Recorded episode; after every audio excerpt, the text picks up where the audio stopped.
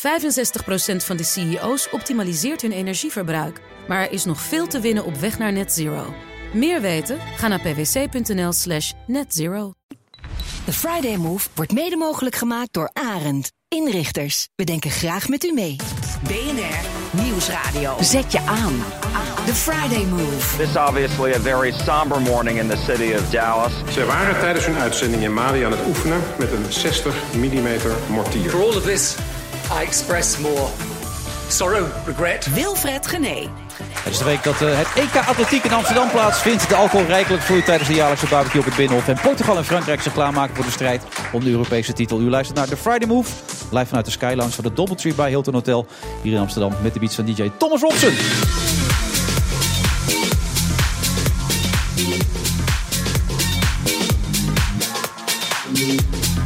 Wordt de voormalige LAX-voorzitter Siewert van Linden straks de toekomstige premier van Nederland? Dat is een van de vragen die we natuurlijk vandaag gaan stellen. Hij begint nu al te lachen, dus dat zegt voldoende. We blikken vooruit op de EK-finale tussen Portugal en Frankrijk. En kijken ook even naar de Tour met uh, heldencolumnist Jaap Stalenburg en regisseur Martin, Martin Koolhoven. Daarmee praten we over Hollywood-tafereelen hier in onze eigen hoofdstad.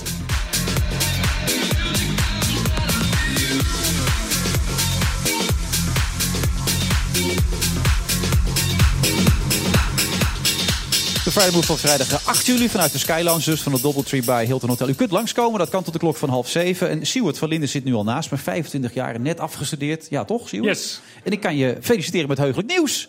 Vertel. Je wordt toch vader? Ah, oké. Ah, dit had je achter de schermen gehoord. Ja, dat klopt, ja. Dankjewel. Maar dat is toch geweldig nieuws? Ja, dat is fantastisch nieuws. Nou, je doet er heel verbaasd over, alsof het uh, inderdaad... Ja, ik had niet verwacht dat je dat op de radio zou zeggen, maar uh, oh. dankjewel. Oh, ik wist ook niet. Was het niet de bedoeling? Ja, mijn ouders weten het hoor. Oh. Dat komt net binnen jou dus dan waarschijnlijk. Dat, poeh, dit valt... Maar je bent blij of niet? Ja, zeker. Ik vind het hartstikke leuk om vader te worden. En uh, ja, volgende week uh, weer echo's, dus ik ben heel benieuwd. Ja, man, dat is geweldig. Ik ja. heb er eentje van drie en eentje van zes. Geloof ja, mij, ja, je bent wat jong bij natuurlijk, maar het is alleen maar goed. Ja. Dan ben je straks een hele jonge vader, kun je alles doen en zo. Ja, lijkt me heerlijk. Ben je ook weer, ik, kan niks meer, weet je wel. Ik kan ze niet meer optillen enzovoort. Dus uh, het is toch ander werk natuurlijk allemaal. Wat doe jij precies vandaag de dag allemaal? Uh, nou ja, inderdaad, ik ben uh, dit jaar afgestudeerd. Ik heb daarnaast een eigen bedrijfje. Dat doe ik echt gewoon om, uh, om rond te komen. Ik ben daarnaast aan het schrijven, maak tv, actief in de klassieke muziek. ik heb een aantal dingen in de ICT-projecten. Dus ik doe kortom heel veel dingen naast elkaar eigenlijk. Elke dag. Maar hoe zou je jezelf willen omschrijven op dit moment, Siewert? Nou, op dit moment als een chameleon. Maar ik moet nu wel een beetje gaan omschakelen. Ik heb dit nu een paar jaar gedaan als ZZP'er. En ik ben nu mm, ja, wat meer op zoek naar iets vast. Dus, Zoals uh, bijvoorbeeld, is dit een open sollicitatie meteen? Of? Oh nee hoor, nee hoor, je mag lekker op je stoel blijven zitten. Maar uh, ik ben aan het kijken naar, um, dat, ik heb nu bijna zo'n tien jaar onder, uh, ben ik bezig met ondernemen. En nadeel is natuurlijk wel dat je altijd je eigen jaar, wiel je aan 25, maar ga door, dat is knap, inderdaad. Ja, ja. maar je moet altijd je eigen wiel uitvinden. Van administratie tot de fiscale dingen, tot wat je ook maakt en wat je oplevert. En ik heb op zich wel meer behoefte nu aan structuur, team, dingen leren.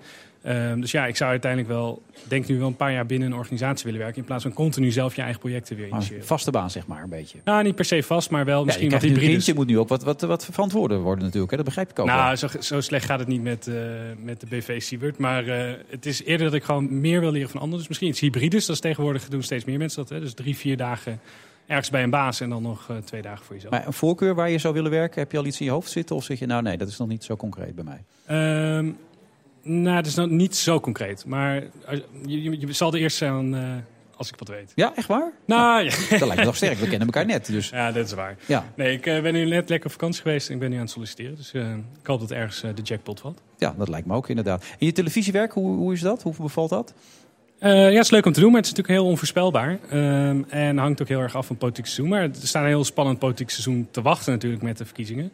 Dus dat zal wel doorgaan. Maar het is ook wel iets waarvan je je afvraagt. Ik heb dit uh, voorjaar ben ik vrij hard op mijn uh, muil gegaan uh, live televisie. door um, ja, een uitgeleider te maken bij De Wereld Door. En dan merk je ook wel weer de keerzijde heel erg van televisie. namelijk dat ja, dingen ook wel heel snel uit een verband worden gerukt. Of dat je ook wel heel snel de risée bent. Dus het is af en toe leuk. Het is ook af en toe best wel pittig. Ja, je maakte een foutje over allochtonen, delinquenten, delinquenten en het percentage daarvan ongeveer. Ja, dat neer, ze maar niet meer oprakelen. Maar het is, wel, uh, het is wel een harde les geweest voor mij. En ook wel uh, iets waarvan ik denk van, uh, moet ik nog hier echt verder in willen in deze wereld. Ja, is die twijfel zo groot? ja, het heeft bij mij wel een knop omgezet, ja. Maar je zit er nog wel een beetje mee, begrijp ik ook.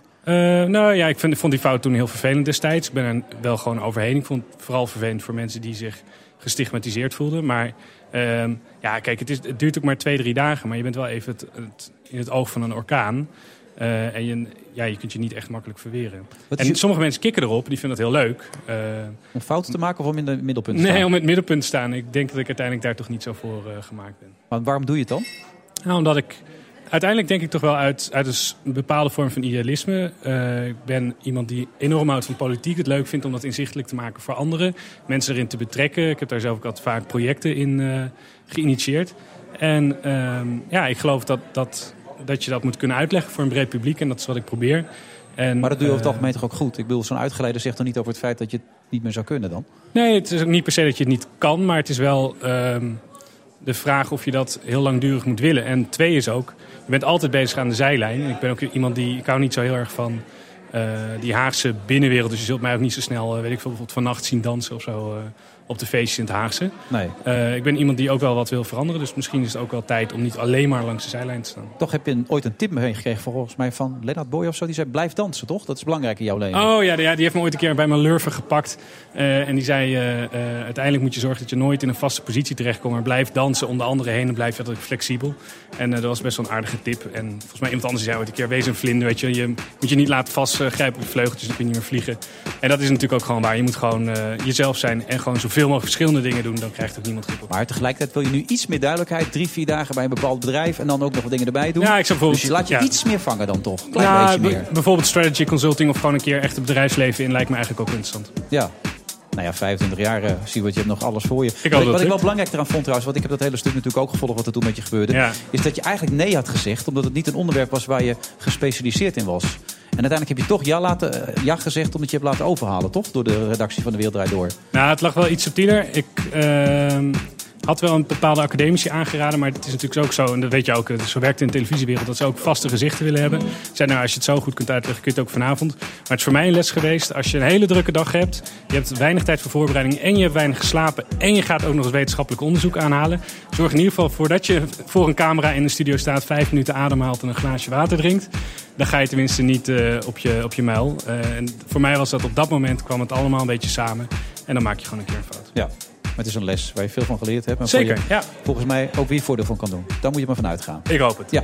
Nou, je mag deze hele uitzending doen wat je wil, dat weet je. Alles gebeuren Ik ga je lekker onderbreken. Oké, okay, nou dat vind ik alleen maar fijn. Tot zo na de reclame.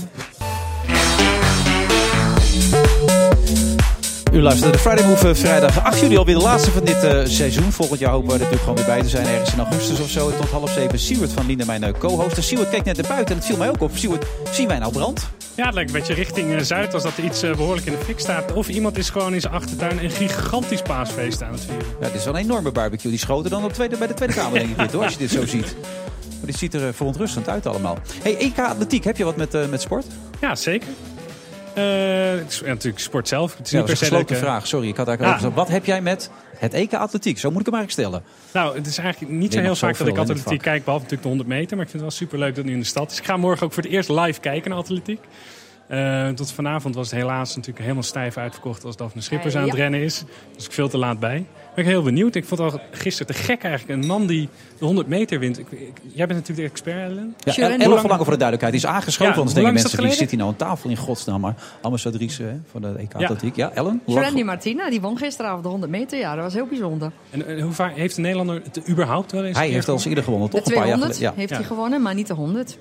De eerste ja. keer. Ja. Wat ik nou zo opmerkelijk daaraan vond, is dat hij zegt... ik heb mijn beste race bewaard voor de Olympische Spelen. Was dat zo? Want ik bedoel, dit was toch een prima race gisteren? Dit was een prima race, maar het was wel net op een nippie. Ik bedoel, het was nou niet dat we echt uh, vijf meter van tevoren zagen dat hij zou gaan winnen. Er was een man met dezelfde tijd, begreep ik ook, hè? Toch? Ja. maar die is ja. net, net nou, die was een handje, of wat was het Dan gaat het om eigenlijk? duizendsten. Ja? ja, het gaat om de borst. Dat wordt gemeten en dat, uh, dat gaat dan uiteindelijk om duizenden. En wat betekent dit voor... Open vraag, let. Wat betekent dit voor het Nederlands atletiek?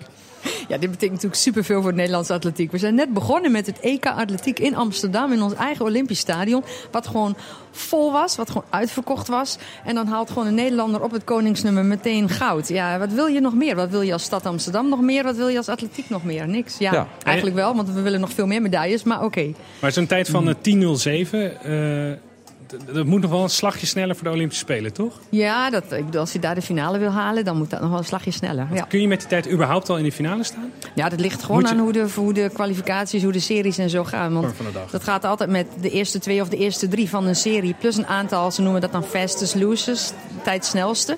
En ehm, ja, dat ligt dus gewoon aan wat de rest doet. Maar je moet gewoon zorgen dat je bij de beste zit. Dan hoef je niet te wachten op die, eh, op Ja. die fastest losers. Maar hij was er ook niet als zo snelste gekwalificeerd voor deze finale begrepen. Sterker nog, lang niet zelfs, toch? Nee, dat was Jimmy Vico, eh, een Fransman. En daar had iedereen ook veel meer van verwacht. Maar die liep gewoon niet snel genoeg gisteravond. Dus het was een verrassing, om het maar zo te omschrijven. Ja, op de 100 meter, kijk, we hadden wel een medaille verwacht. Althans, verwacht, gehoopt. Hè. Dat is denk ik altijd meer correct om te zeggen. Maar eh, ik zat toch wel te denken, zilver, brons, dat zou wel moeten lukken. Maar ja, dan goud ineens, ja. Je zit heel enthousiast te zijn hier, eh, Ellen, heb ik de indruk. Je, je, je merkt het ook, Siewert. hè? Ze is blij, hè? Zeker. Maar Ze ja, is uitgelaten, Ja. ze is vrolijk. Ja, maar wat wil je ook? Ik bedoel, ja, ik kan toch alleen maar genieten van een vol Olympisch stadion... met Nederlanders die zo goed presteren. Ja, de enige wat ik heel erg jammer van, vanochtend vond, dat was Gregory Sedok. Ik weet niet of jullie dat mee hebben gekregen. Nee. Maar Gregory ik met mijn Sedok- dochtertje, die moest naar school toe in de laatste dag Ja, en zo. Hele leuke dingen allemaal. Maar ja, Dat moet natuurlijk ook, Ja. ja. Maar Gregory die, eh, die hoopte zich nog te plaatsen voor de Olympische Spelen. En eigenlijk is dit weekend de laatste kans. En dat zou hij kunnen doen door eh, of in de voorrondes of in de halve finale... of eventueel in de finale de Olympische limiet te lopen. En natuurlijk ook gewoon heel goed presteren hier. Maar hij kwam niet door de kwalificatie heen. En ik had het hem gewoon zo ontzettend gegund. maar om heeft hij iets te zoeken dan op de Olympische Spelen? Om even heel hard te stellen? Of, Nou, als hij, hij was al een paar keer dit seizoen in de buurt van die 1342. En dan heb je zeker iets te zoeken. Waarschijnlijk niet voor de finale, maar wel voor de voorrondes en hopelijk de halve finale. Alleen, ja, hij heeft zich gewoon nu niet gekwalificeerd. En ook omdat hij, hij is natuurlijk Amsterdammer. Hij is zo een beetje opgegroeid met dit Olympisch stadion. Dan hebben we hier een EK. Dan Ja. had ik het hem zo gegund als hij vanavond voor een vol stadion... in ieder geval nog die halve finale had kunnen lopen. En eh, ja, het, hij liep niet goed. Het ging niet. We zaten vorige week hier, althans niet hier, maar ergens anders, eh, vlakbij het Olympisch Stadion trouwens, met de, de scheidend directeur van het Olympisch Stadion. Die vertelde er heel trots over. Hoe bijzonder is het eigenlijk dat we hier het EK hebben dan? Ja, eh, best wel bijzonder. Ik, ik heb dat natuurlijk al best wel vaak gezegd, maar ehm, zo'n Europees kampioenschap is heel populair. Er zijn gewoon heel, heel veel steden in Europa die dat willen organiseren. Je moet ook aan heel veel voorwaarden voldoen. En ehm, wij zijn heel blij dat we dat ja, vijf jaar geleden hebben binnengehaald. En sowieso was natuurlijk dit Olympisch Stadion een x aantal jaren geleden, wat was het, eind jaren negentig geloof ik. Ja, stond het eigenlijk op stapel om eh, gewoon afgebroken Nou, hij te worden. vertelde ook Ja. inderdaad dat eigenlijk zouden ze ermee stoppen. Het was Ja. een achterbuurt geworden. Mensen Ja. durfden niet eens met een hond uit te laten daar, Siewert. Echt niet. Het was levensgevaarlijk geworden daar. En nu is het In gewoon... het keurige Amsterdam-Zuid. En nu is het een hele mooie, leuke, hippe buurt. Dus Hey, ja. En eh, dit zijn natuurlijk de koningsnummers, maar je kunt, eh, overal midden in de stad wordt natuurlijk nu aan atletiek gedaan. Speerwerpen op het Museumplein bijvoorbeeld, eh, voor het Rijksmuseum.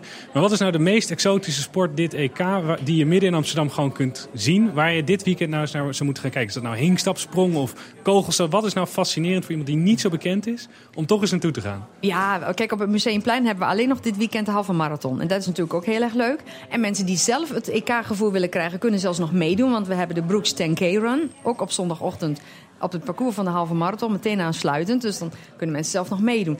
Wat wij ook geprobeerd hebben, is om het atletiek ook echt naar de mensen te brengen. Daarom dus ook die disciplines op het Museumplein. Maar in het Olympisch Stadion, ja, er is nog zoveel te zien. Is ook een beetje waar je van houdt. Als je van springnummers houdt, dan is het verspringen en het hinkstapspringen is natuurlijk heel erg leuk. Maar als je van die werpnummers houdt, eh, van die grote dikke mannen die gaan kogels stoten, ja, dan is dat natuurlijk heel erg leuk. Hoe oud was jij, Siewert, toen, toen het goud werd gewonnen door, door Elle? Weet je dat?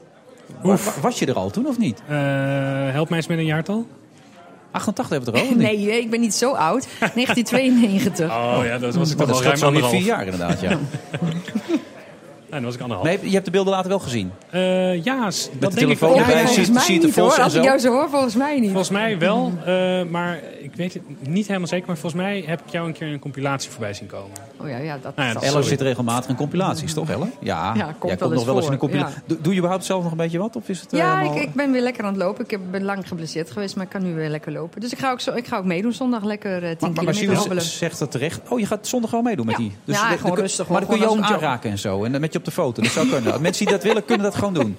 Ja, als ze Je bent gewoon willen, benaderbaar maar- ook en zo. Ja, maar ik ben nog altijd benaderbaar, dus waarom zondag niet? Maar vind je het Ja. fijn dat mensen dat doen als ze naar je toe komen? Nou ja, eh, ik bedoel niet de hele tijd, want je wil ook gewoon... Nee, zondag wil ik natuurlijk wel gewoon lopen. Ja. Maar eh, ik word nu in je het Olympisch Stadion ook ze. Heel veel Ja. kinderen heb je een willen mij op startnummer? de foto. heb je al een startnummer? Ja, die heb ik. Wat is het? Ja, dat, dat leer ik niet uit mijn hoofd. Ah, oké, maakt kunnen me we niet het uit. daaraan herkennen. Maar even naar vanavond toe, want hij zegt het uitverkocht, volle bak natuurlijk. Ja. Dus ze kan alleen maar verliezen als het niet lukt natuurlijk. Hè. Daar komt het eigenlijk op neer, toch? Voor Daphne? Ja, er ligt, wel haar, ligt wel heel erg veel druk op haar. Ik bedoel, ze moet ook nog eens de halve finales lopen. En nou is het wel zo dat zij veruit de snelste tijd heeft van iedereen die hier aan de start staat. Dus het moet ook wel heel gek lopen. Als ze niet de finale haalt, dan moet, dan moet ze echt wel struikelen of zo. Maar, ehm, en ze is natuurlijk ook gewoon zo supergoed. Maar ja, iedereen verwacht ook gewoon dat ze even die gouden plak op komt halen. En zo Ja. simpel is het natuurlijk ook niet. En hoe zit dat in een schema op weg naar de Olympische Spelen? Hoe vaak mag je er nog pieken Ja, op weg naar zo'n toernooi? Ik weet uh, Daphne's schema niet precies, maar volgens mij um, loopt ze nog één of twee wedstrijden hierna en dan de Olympische Spelen. Dus dat heeft ze allemaal goed, uh, goed gepland. Ja. En hoe is haar voorbereiding tot nu toe? Je ziet daar in veel vrouwenbladen staan op dit moment en zo. Dus je denkt van oeh, al die afleiding focussen Ja. op die Olympische Goede Spelen. foto's, dat wel. Ja, Zeker. dat klopt. Hele mooie foto's. Ja, maar daarin doen ze dat. Um, zij heeft een heel goed team om zich heen en die doen dat ook echt heel goed. Ze doen niet alles. Ze kiezen gewoon bepaalde dingen die ze doen. Nou, en die, um, die zijn dus ook duidelijk gewoon in de publiciteit, want anders hebben jullie ze ook niet gezien. Dus daarin maken ze gewoon hele juiste keuzes. Ze zorgt echt dat ze niet te veel afleiding heeft, maar ze doet wel net de juiste dingen. En op welke tijd moeten we vanavond letten eh, dat we denken... oké, ze is op de goede weg richting eh, de Spelen? Wel- Wat voor tijd moet ze ongeveer lopen? Ja, dat maakt helemaal niet uit. Vanavond moet ze gewoon winnen. Het is gewoon goud, ja, klaar. Ja. Ja, de laatste, de laatste 10 meter loopt ze gewoon uit, toch? Een beetje om me heen kijken enzovoort. Zo zal Ja. het er een beetje gaan. Mag Wie weet, wie weet. Ik denk dat het inderdaad minder krap zal zijn als met Jurendi gisteravond. Maar wie weet. Ja. Misschien maakt het spannend. Weet je dat eigenlijk waarom dat zo is? Want ik zag al die mannen die zaten met hun koppen vooruit... zo die finishlijn eh, over te staren. Maar later begreep ik inderdaad ook het gaat om de borst. Ja. Maar Eh, dat is je natuurlijke reactie. En om je borst vooruit te doen, moet je ook je hoofd vooruit Hoofd doen. Dus dat gaat gewoon Ah, op die manier. Ja. Is dat zo? Ook weer geleerd. Oh ja. Ja, anders gaat dat niet. Ja. Ja. je hebt gelijk inderdaad. Ja. Ja. Ik heb het eigenlijk nog nooit zelf gedaan. Heb je wel eens gehard gelopen of zo? Ja, maar niet, ik was alleen maar goed in duurlopen. Ik was niet goed in dit soort... eh, Dus jij gaat ook meedoen zondag? Hoeveel kilometer? Tien. Ah, daar kan ik nog wel net aan. Misschien ga ik wel meedoen. Nou, oké. Is het een grapje of, of zeg je nou serieus iets? Nou, als, als ik met jou kan lopen, Ellen, dan wil ik best Nou, waarom niet? Ja. Dat is goed. We wisten straks meer uit. Bij deze geregeld? Ja. Dan heb je er weer een bij. Hoeveel Ja. mensen lo- lopen er in het Ja, zo'n dan? 15.000. Dus eh, een heleboel. Wauw. En dat is gewoon door de binnenstad van Amsterdam? Ja, en dat is echt ontzettend mooi. Want ik, ik denk ook voor het publiek zal het heel erg leuk zijn. Eh, Het komt over de Albert langs de Amstel, langs de Hermitage. We starten en finishen op het Museumplein, door het Vondelpark nog. Ja, dus het is echt... Ik verheug me er ook onwijs op. Gewoon lekker door Amsterdam hardlopen, ja. En mensen die het nu nog willen doen, die zitten te luisteren. Wat moeten ze doen dan? Ja, die kunnen zich inschrijven op de, op de site, eh, volgens mij nog gewoon. Dus amsterdam2016.org. Nou ja, dit loopt helemaal vol Ja. nu. Dat kan haast niet anders. Eh, dan nog even de andere Nederlanders. Hebben we nog meer kansen? Of, of Ja, moeten we, nog hebben een- veel meer kansen. Ja? Giovanni Martina loopt vanavond ook de finale. Of, ehm, de eerste halve finale, sorry. En dan de finale van de 200 meter. En ehm wij hebben een aantal eh, finalisten op de 400 meter. Lima Vin Bonifacia, 400 meter mannen. Nicky van Leuveren, 400 meter vrouwen. Sivan Hassan begint vanavond met haar 1500 meter kwalificaties. En ehm, waren dat de Nederlanders of vergeet ik iemand? Nee, volgens mij voor vanavond eh, waren ze dat. Nou, dat klinkt heel veelbelovend. En jij zit er morgen dan? Ja, morgen ben ik eh in Wat gebeurt er morgen? Wat, wat zien we Morgenmiddag. zien? Oh, ik, moet, ik ken het schema niet helemaal Oh, nou ja, uit mijn hoofd. We halve finales We hebben middags. 5000 meter, ehm, de, hebben we 5000 meter bij de vrouwen. Dat is met Suzanne Kuik en Maureen Koster hebben we morgen. En we hebben ook nog de 800 meter finale bij de vrouwen. En 1500 meter bij de mannen. Dus ja, genoeg leuks. zin en in. 110 meter horde finale, dat is ook heel, heel spannend. Dat hebben we ook morgen. Klokkenluister Stefanova, die redde het niet hè? op de 800 Nee, meter. Nee, stapte nee. uit. Eh, dat je hoorde jou vorige week op de radio dat ze ook helemaal geen bewaking en zo kreeg. En, eh, Nee. is er geen enkele dreiging voor haar dan? Eh, Alles Nou ja, ze... ze woont niet in Rusland, want dat kan niet. Ze woont wel op een geheime locatie in de Verenigde Staten. Maar Ja. hier wilden ze gewoon opgaan in, ehm, in, in de atleten. Ja. Dus eh, in, in hoe het allemaal gericht is met de atleten. En er is natuurlijk wel beveiliging voor iedereen. Maar eh, zij wil geen speciale behandeling. Oké. Maar helaas na 600 meter was Nee. het eh, helemaal voorbij. Nee, maar je zag vanaf de start al dat ze staat niet te vormen. Nee. Nee. Maar jij hebt wel de vorm. Zondagochtend samen met Siewert, hè? Die 10 Ja. kilometer. Waar gaan jullie voor? Ja, dat weet ik niet. Ik ga gewoon lekker joggen. Ik wil van Amsterdam genieten. Ja, wat is het? 50 minuten of zo? Is dat redelijk voor een amateur? Nou, dat is dan je- langzaam misschien, hè? Nee, nee, nee. Dan mag je best wel een beetje Dan doorlopen. loop je aardig door, hoor. Ja, Ja. ja. Oké. Dan loop je aardig. Nou, dan zetten we in op 50 minuten voor Siewert. Heel goed. Dat heb ik bij deze genoteerd. En ik zet Ellen op eh, 38 minuten of zo. Nou, dat lijkt me niet zo goed plan. Ja, ik denk even maar gewoon eh, lekker van mij mag je. Ja. Bedankt Ellen en veel plezier vanavond. Jij zit er wel gewoon bij. Ja, jij hebt kaartjes, hè? Ja, jij Ja, mag er gewoon in. ja. Ambassadrice, 11 van Lange. Bij het EK in Nederland. eh, Olympisch Stadion. Wel een mooi feest trouwens, als je erover nadenkt. Wij praten zo meteen na de reclame door. Dan hebben we ook prachtige muziek van Jared Grant. Tot zo. BNR Nieuwsradio. Zet je aan. The Friday Move. Een bom. Zo ervaart de Kamer de lijst van slecht functionerende verpleeghuizen. Oeh, een koe over de weg. Zag je dat? We're presented with a certainty that was not justified. Wilfred Genee. Regisseur Martin Koolhoven, heldencolumnist Jaap Stalenburg en D66-Kamerlid Salima Belhai zijn straks nog het gast in deze uitzending van de Friday Move. En tot half zeven zit hij er, Siewert van Liende.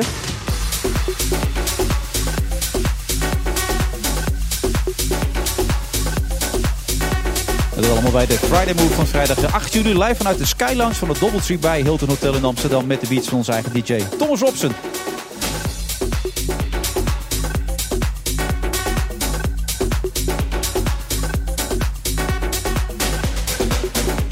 En mocht je nog eh, willen reageren, dat kan natuurlijk allemaal via Twitter. eh, BNR Friday Move of uh, Wilfred Gené. Heb jij ook, jij hebt ook een Twitter account neem ik aan, toch? Ja, eh, veel doe je erop ook of niet? Eh, zeker, ja. Volgens mij heb ik net een 100.000 tweets aangetikt. Dus, eh, 100.000 tweets? ja, ik ben redelijk verslaafd. Hoeveel op een dag dan? Wat, wat is je joh, niet op een dag natuurlijk. Nee, dat snap ik hoeveel doe je op een dag dan? Oh ja, ik heb wel eens tijden gehad dat ik er wel een paar honderd per dag deed. Maar inmiddels niet meer hoor. Een paar honderd per dag? Ja, maar toen was ik er echt wel eh, helemaal in toen. Ja. Nu, nu, nu is dat wel een beetje voorbij. Nu een paar per dag of zo? Ja. Oké, nou, we kunnen. Hey, klassiek is helemaal jouw muziek, hè? Ja. maar, maar we hebben hier zo meteen een band, je hebt het al even gehoord. Kan je er wat mee? Of, of denk je van, eh, nou, is niet mijn cup of tea? Eh, nee, ja, helemaal niet. Ik ben helemaal niet iemand die alleen maar klassieke muziek luistert. Ik hou net zoveel van dance en van eh, rock en van klassieke muziek. Maar, Maar ook wel eens op de dansvloer dan. Want je bent, als ik je zo zie staan, uh, Siewert, het is niet onaardig bedoeld. Dus al meer. Je, lijkt Zie ik er als een plank uit? Nou ja, een beetje, je ziet er een beetje klassiek uit. Laat ik het zo stellen inderdaad. Ah, ja. oké. ja, Klassiek, dat je ik een denk beetje... ook niet dat ik dit soort jasjes zou dragen in een club. Nee. Maar ga je dan los of niet? Ja, zeker. Voetjes van de vloer, hè? Ja, handjes ik- in de lucht. Ik heb zeker wel eens avond dat je denkt van ik begin bij het concertgebouw en ik eindig in eh, de kleine cooldown of zo. Dat eh, gebeurt wel eens. Siewert, Op het jij? Rembrandtplein. Echt, maar mag dit naar buiten? Ja, dit is uitgezonden nu, hè? dat begrijp je. hè? Oh ja, tuurlijk. En dan drink je er ook nog eentje. Ook zo'n vlugeltje en zo. eh, Een paar van die vlugeltjes erin en zo. Ja? Ja, daar ben ik er weer niet zo van. Gewoon Nee? bier. Ja, ik ben gewoon in het Maar oosten wel dronken worden dan. Ja, eh, elk mens wordt dat natuurlijk. Ja, hey, ik zal het niet ontkennen. Moet vooral oppassen dat er geen podium in de buurt is. Maar veel belangrijker natuurlijk, je moet een beetje genieten. Dat is het belangrijkste in het leven. Dat gaan we nu ook doen met Jared Grant. Ik weet niet, Jared, kan je er nog bij komen of gaan we gelijk los? Wat is de bedoeling? Ja, Jared, je kan er even bij komen natuurlijk. Ja, pak er maar eentje bij, joh, Jared. Maak het allemaal uit. Wat, wat gaan jullie doen? zo? Je gaat twee nummers doen, begrijp ik vandaag, toch? Ja, we gaan vandaag twee eh, liedjes doen. Ik heb u even, Ja. Je hebt een, een, een ensemble meegenomen, dat ligt niet op. Want je hebt Ja. allemaal meegebracht al. Ja, we, we hebben drums, we hebben bas, we hebben toetsen, we hebben gitaar en de backings. En dat allemaal vanwege de laatste uitzending? Ja. Ongelooflijk. Ja, toch? Ja. Als het kan, ja, dan... eh, Wat ik me nou altijd zit af te vragen, hè, is die talentenjacht allemaal. Heb je er nou wat aan of niet? Zoiets als The Voice en zo. Schiet je er nou wat mee op met die aandacht? Of denk je nou, ja, ach, Ehm, je kan er heel veel aan hebben. Maar het hangt er gewoon vanaf eh, hoe, hoe je het gebruikt. Als je zeg maar, voor jezelf een plan daarna hebt wat je wil doen... en, en eh, dan kan het heel veel eh, voor je betekenen. Had jij een plan? Ik heb wel, ja. Ja, Ja, wat is je plan? Ja. Mijn plan? Ja, we gaan, mijn plan is eigenlijk om gewoon heel veel muziek nu uit te gaan brengen. En met een live band met name dat ter gehore te brengen. Er komt ook een single aan, begrijp ik. En, Ja, eh, er komt binnenkort eh, een single aan. Wanneer precies, dat kan ik nu nog niet zeggen. Nee, oh, je moet het plan nu eh, wel we onthullen, eh, Jared. Anders schiet het niet op natuurlijk. We zijn hier voor het plan. Wanneer ongeveer? Wanneer ongeveer? Nou, het wordt sowieso een, een, een, een zomerse single. Dus we gaan... Ja, moet je opschieten, zomer- Ja, ja. Dus hij Ja, komt maar- eraan. Laten zeggen, als je kijkt naar het weer, is het nog niet per se super zomers geweest. Nee, Dus er staat er iets in de hens. Dat zie je ook natuurlijk. Dat zou je zo, ja, ik weet niet wat het is precies. Maar... Dus als het echt zomers wordt en de Ja. zon gaat schijnen, dan... Dan, eh, Dan komt die? Dan komt die. Ja? Ja. En wat gaan we nu horen dan? We gaan nu... ehm, Maar stel nou, als die zon Dancing nou niet komt trouwens, even tussendoor. Dan, dan gaat hij dus niet komen. Als die zon er niet komt. Ja, nee, in Nederland is alles zo wisselvallig. Ja. Ik weet zeker dat die een keer gaat komen. Jongen, die gozer had in de politiek, politiek gekund. Dit, hè? Met dat verhaal, met zijn, met zijn plan enzovoort. En je moet er wel over na. Je kan er wat aan hebben aan zo'n talentenjacht. Als je er maar over nagedacht hebt. En de, als de zon gaat schijnen. Nou, Een talentje. we gaan, gaan, we, gaan we nu nog wel wat horen of gaat dat ook niet gebeuren? Ja, we gaan, eh, we gaan nu Dancing Machine doen. Van, Van de Jacksons. Ja. Oh, dat is wel Het lekker. is een hele oude. Nou, daar gaan we met z'n allen Ja. van genieten. Eh, Yes. Kondig ik jou alleen aan of kondig ik iedereen aan dan? iedereen. Oké, nou, Jared Grant en iedereen erbij. Natuurlijk, hartstikke fijn. Met een heerlijk nummer van de Jacksons, dames en heren. Geef ze een applaus.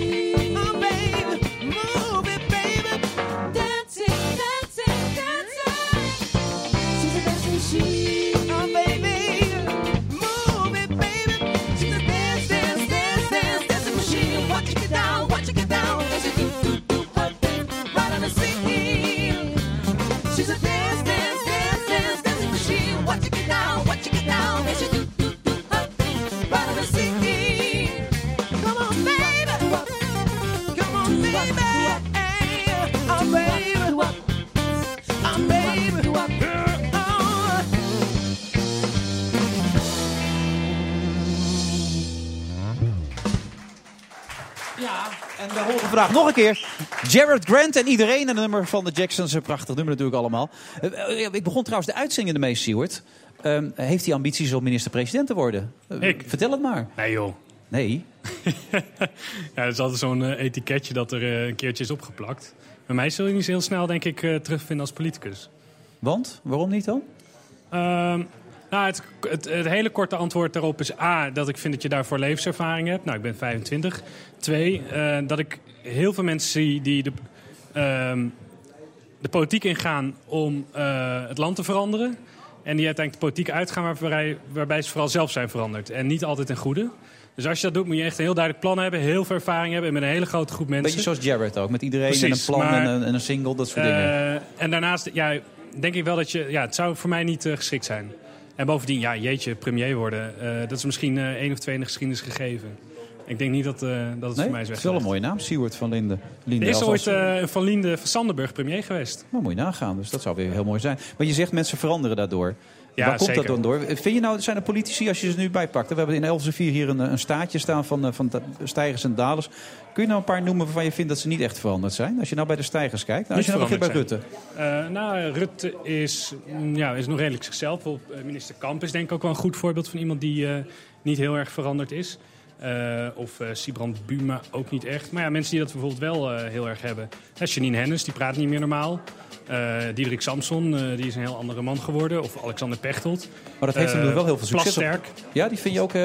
Ja, als je Plasterk kijkt hoe hij ooit als academicus was en nu als politicus. Er zit een groot verschil tussen. Ja, dat zei je ook ergens. Daar was je ook wel een beetje teleurgesteld over, toch? Ja, vind ik heel jammer, Omdat ja. hij de Nobelprijs bijna had gewonnen. En is een geweldig wetenschapper. Ja. En, En nu is het toch eh, ja, eh, een aflopende politieke carrière. Ja. ja, hartoperatie was wel goed gegaan, als ik van week, Gelukkig maar, ja. Ja. Eh, Maar het is nog wel even uit roulatie, maar komt snel weer terug. Maar het gevaar is dus, ga je de politiek in, dan raak je jezelf eigenlijk kwijt. Dus dat is wat je zegt. De meesten raken zichzelf kwijt. Ja, denk ik wel.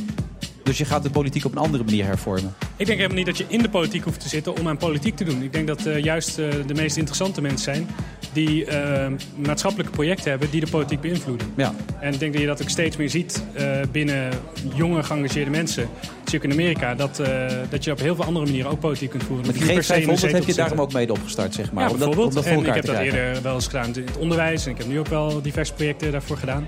Ik, ik eh, denk absoluut niet meer dat vadertje staat alleen maar geleid wordt door één kapitein die achter het roer staat. Er zijn gewoon heel veel mensen die, die vaak veel sneller zijn en veel meer eh, kunnen buiten het parlement dan in het Maar je parlement. zei ooit een keer tegen Freek de Jonge, toch? Dit is een 150 jaar oud systeem wat er door en door verrot is eigenlijk, toch? Daar kwam het een beetje op Nou, neer.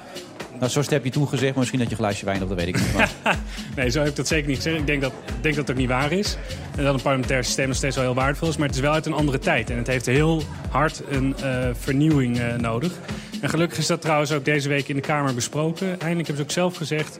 ons eigen democratisch systeem is een beetje uit de mode. Er moet nu eindelijk eens een keer een update komen. Is de Eerste en Tweede Kamer het over eens. Dus Nou. wie weet, de komende jaren krijgen we eens wat eh, vernieuwing. ik hoorde trouwens van jou dat je niet meer op kan geven voor dat hardlopen, hè, aanstaande zondag. Nee, had je voor maandag moeten doen, Ja. las ik. Maar Jij mag het nog wel doen met Ellen samen, maar het. verder mag helemaal niemand meer. Oké, we spreken elkaar weer zo. Tot zo.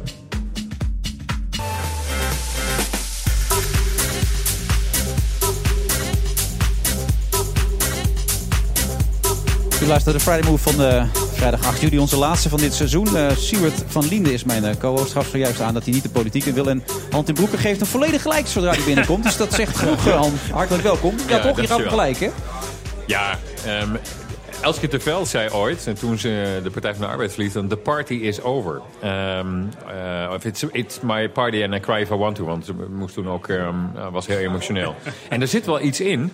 Want ehm, je kunt je afvragen of eh, al die partijen... of dat niet een beetje overleefde instituties zijn geworden. Ja. En er worden er ook steeds meer. En, ehm, Maar geldt het ook voor de VVD dus? Dat kan nou, ik, ik, ik, die boel. ik ben nu een paar jaar Kamerlid en ik had het met Siewert even over. Ik, ik heb ook eerst hier in het bedrijfsleven gezeten. Je kunt, als je maatschappelijke veranderingen eh, wilt teweegbrengen... of daar een kleine bijdrage aan wilt leveren... dan kun je, eh, zeker op zijn leeftijd, 25... kun je bij wijze van spreken net zo goed kiezen voor, voor een mooi groot bedrijf dat iets doet... eh, als per se eh, de publieke zaak via de Tweede Kamer. Nou hoop ik wel dat uiteindelijk het, de ambitie om dat dan ook te doen... omdat die gewoon blijft. Maar hoe lang ga je die nog doen dan, Han? Of is het een afscheidsreden? Dit Nee, nee, nee, nee, nee. Ik was niet van plan om een afscheid. Nee, ik ga, nog, eh, ik ga nog een keertje mee als ze me willen hebben.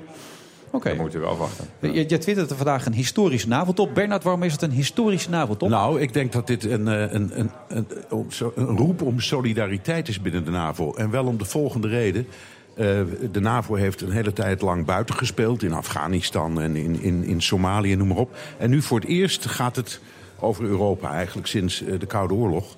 En nu is het probleem eh, dit. Dat de opvattingen van die NAVO-landen zijn niet allemaal even gelijk over hoe je je op moet stellen tegenover Rusland. Nee. Dan kun je zeggen dat is goed, want het zijn democratieën en dat is hun volste recht. Maar waar het uiteindelijk om draait is iets dat heet artikel 5 in het NAVO-handvest. Dat gaat over het moment dat bijvoorbeeld Rusland één van de NAVO-landen zou aanvallen.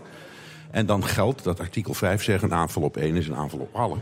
Maar als je één land hebt, bijvoorbeeld Griekenland of Cyprus, ik noem er maar zo eh, twee, die eh, veel milder denken over Rusland. En er zou een incident gebeuren, bijvoorbeeld in Estland. Eh, en je hebt één of twee landen die zeggen: Nou ja, het is wel ernstig, maar we vinden het eigenlijk geen artikel 5-zaak. Dan, dan valt de bodem onder die NAVO uit. En dus is het heel belangrijk, echt heel belangrijk, vind ik ook. Dat ze nu bij elkaar zitten en zeggen: Nee, dat moet uit de wereld. We moeten echt duidelijk allemaal met de neus dezelfde kant op. Maar eh, hoe ver gaan ze erin, Han? Want eh, de provocatie richting Rusland, dat is natuurlijk ook het dilemma, toch, begrijp ik? Ja, dat is zo ineens zo'n zo'n zinnetje geworden wat overal herhaald wordt. Hè? De provocatie richting Rusland. Ik Nou, dat kwam wel- van Steinmeier. Ja, zeker. Eh, Steinmeier is ook... ehm, de, de Duitsers zitten er ook altijd traditioneel anders in. En binnen Duitsland zit de SPD er nog wat anders in. En binnen de SPD zit Steinmeier er nog wat anders in. Dus als er nou iemand is die veel begrip heeft van Moskou... dan is het Steinmeier wel. En dat is niet slecht op zichzelf. Maar wat ik wel slecht vond is dat hij vorige week... ehm, terwijl Duitsland zelf bijdroeg aan troepen aan onze oostgrens... en dat is dus waar Bernard het net over had... hè, eh, de NAVO doet weer waarvoor het was opgericht. Namelijk gewoon op eigen grondgebied, eigen bondgenoten... ehm, eh, de, de, de geloofwaardige afschrikking richting potentiële vijanden en tegenstanders ehm, eh, laten zien. Toen was Steinmeier liep voorop om dat te kritiseren. Hij zei van nou, niet te veel wapengekletter, dames en heren. Ehm, eh, terwijl de Russen aan de lopende band grote oefeningen doen. Ehm, eh, trouwens ook zogenaamde kleine oefeningen die ze niet hoeven aan te kondigen. Met minder dan 9000 soldaten. is nog altijd een hele behoorlijke oefening. Ja. Ehm, eh, nou, dan moet je dus aan, aan landen zoals Estland, hè, een stad als Narva, waar heel veel Russisch sprekenden zijn. Ja, je kunt niet helemaal uitsluiten dat Poetin het ergens in zijn hoofd zou kunnen halen om ook daar een hapje uit te nemen. En die landen zijn daar terecht en begrijpelijk heel bang voor. Die hebben ook nog binnen één generatie de Russische laars ehm, in hun stad gezien. Eh, dus dat moeten we serieus nemen. Tegelijkertijd betekent het niet dat we... Rusland is niet meer de Sovjet-Unie. Nee. Het is niet meer een Maar ze zijn in de de laatste zin. jaren met Oekraïne gezien ook natuurlijk dan ze zijn geweest. Krim, Ja. Oost-Oekraïne, ehm, Georgië, twee hapjes uitgenomen. Eh, Moldavië. Ehm, er zijn te veel voorbeelden waarbij eh, de Russen onder het voorwendsel dat ze Russisch sprekenden proberen te beschermen. ehm, eigenlijk zich niet meer Maar gelegen om- laten om, om liggen die aan afspraken die door ze te zelf trekken, gemaakt hebben. om die metafoor door te, zodra er geknabbeld gaat worden, Ja, dan, dan, is- dan wordt er kom ik ingegrepen. weer even terug op dat artikel 5. Waarom is het nou zo belangrijk dat iedereen hetzelfde vindt? Omdat dan iedereen ietsje bijdraagt aan die extra troepenmacht die er nu komt. En als het dan een aanval zou worden op die, dan is die hele troepenmacht daar. Dat betekent dat Rusland ook alle NAVO-landen aanvalt. Inclusief Amerika, inclusief Turkije, het op ene grootste land. Inclusief ook die landen die altijd zeggen... nou, we begrijpen jullie wel een beetje. En dat is wat dan heet de afschrikking. Met 4000 extra soldaten hou je de Russen niet tegen. Maar het feit dat van al die landen er eh, soldaten bij zitten... die dus allemaal eh, kwetsbaar zijn en daardoor... eh, eh, dat artikel 5 kunnen triggeren. Daardoor, daarom is het heel belangrijk dat iedereen zegt eenheid. Eenheid, eenheid, eenheid. En daar gaat volgens mij deze top over. Ja, en dan op de plek waar, eh, wat is het, eh 50 jaar geleden het Ja. Warschau-pact werd opgericht. Dus een inderdaad, symbolische plek.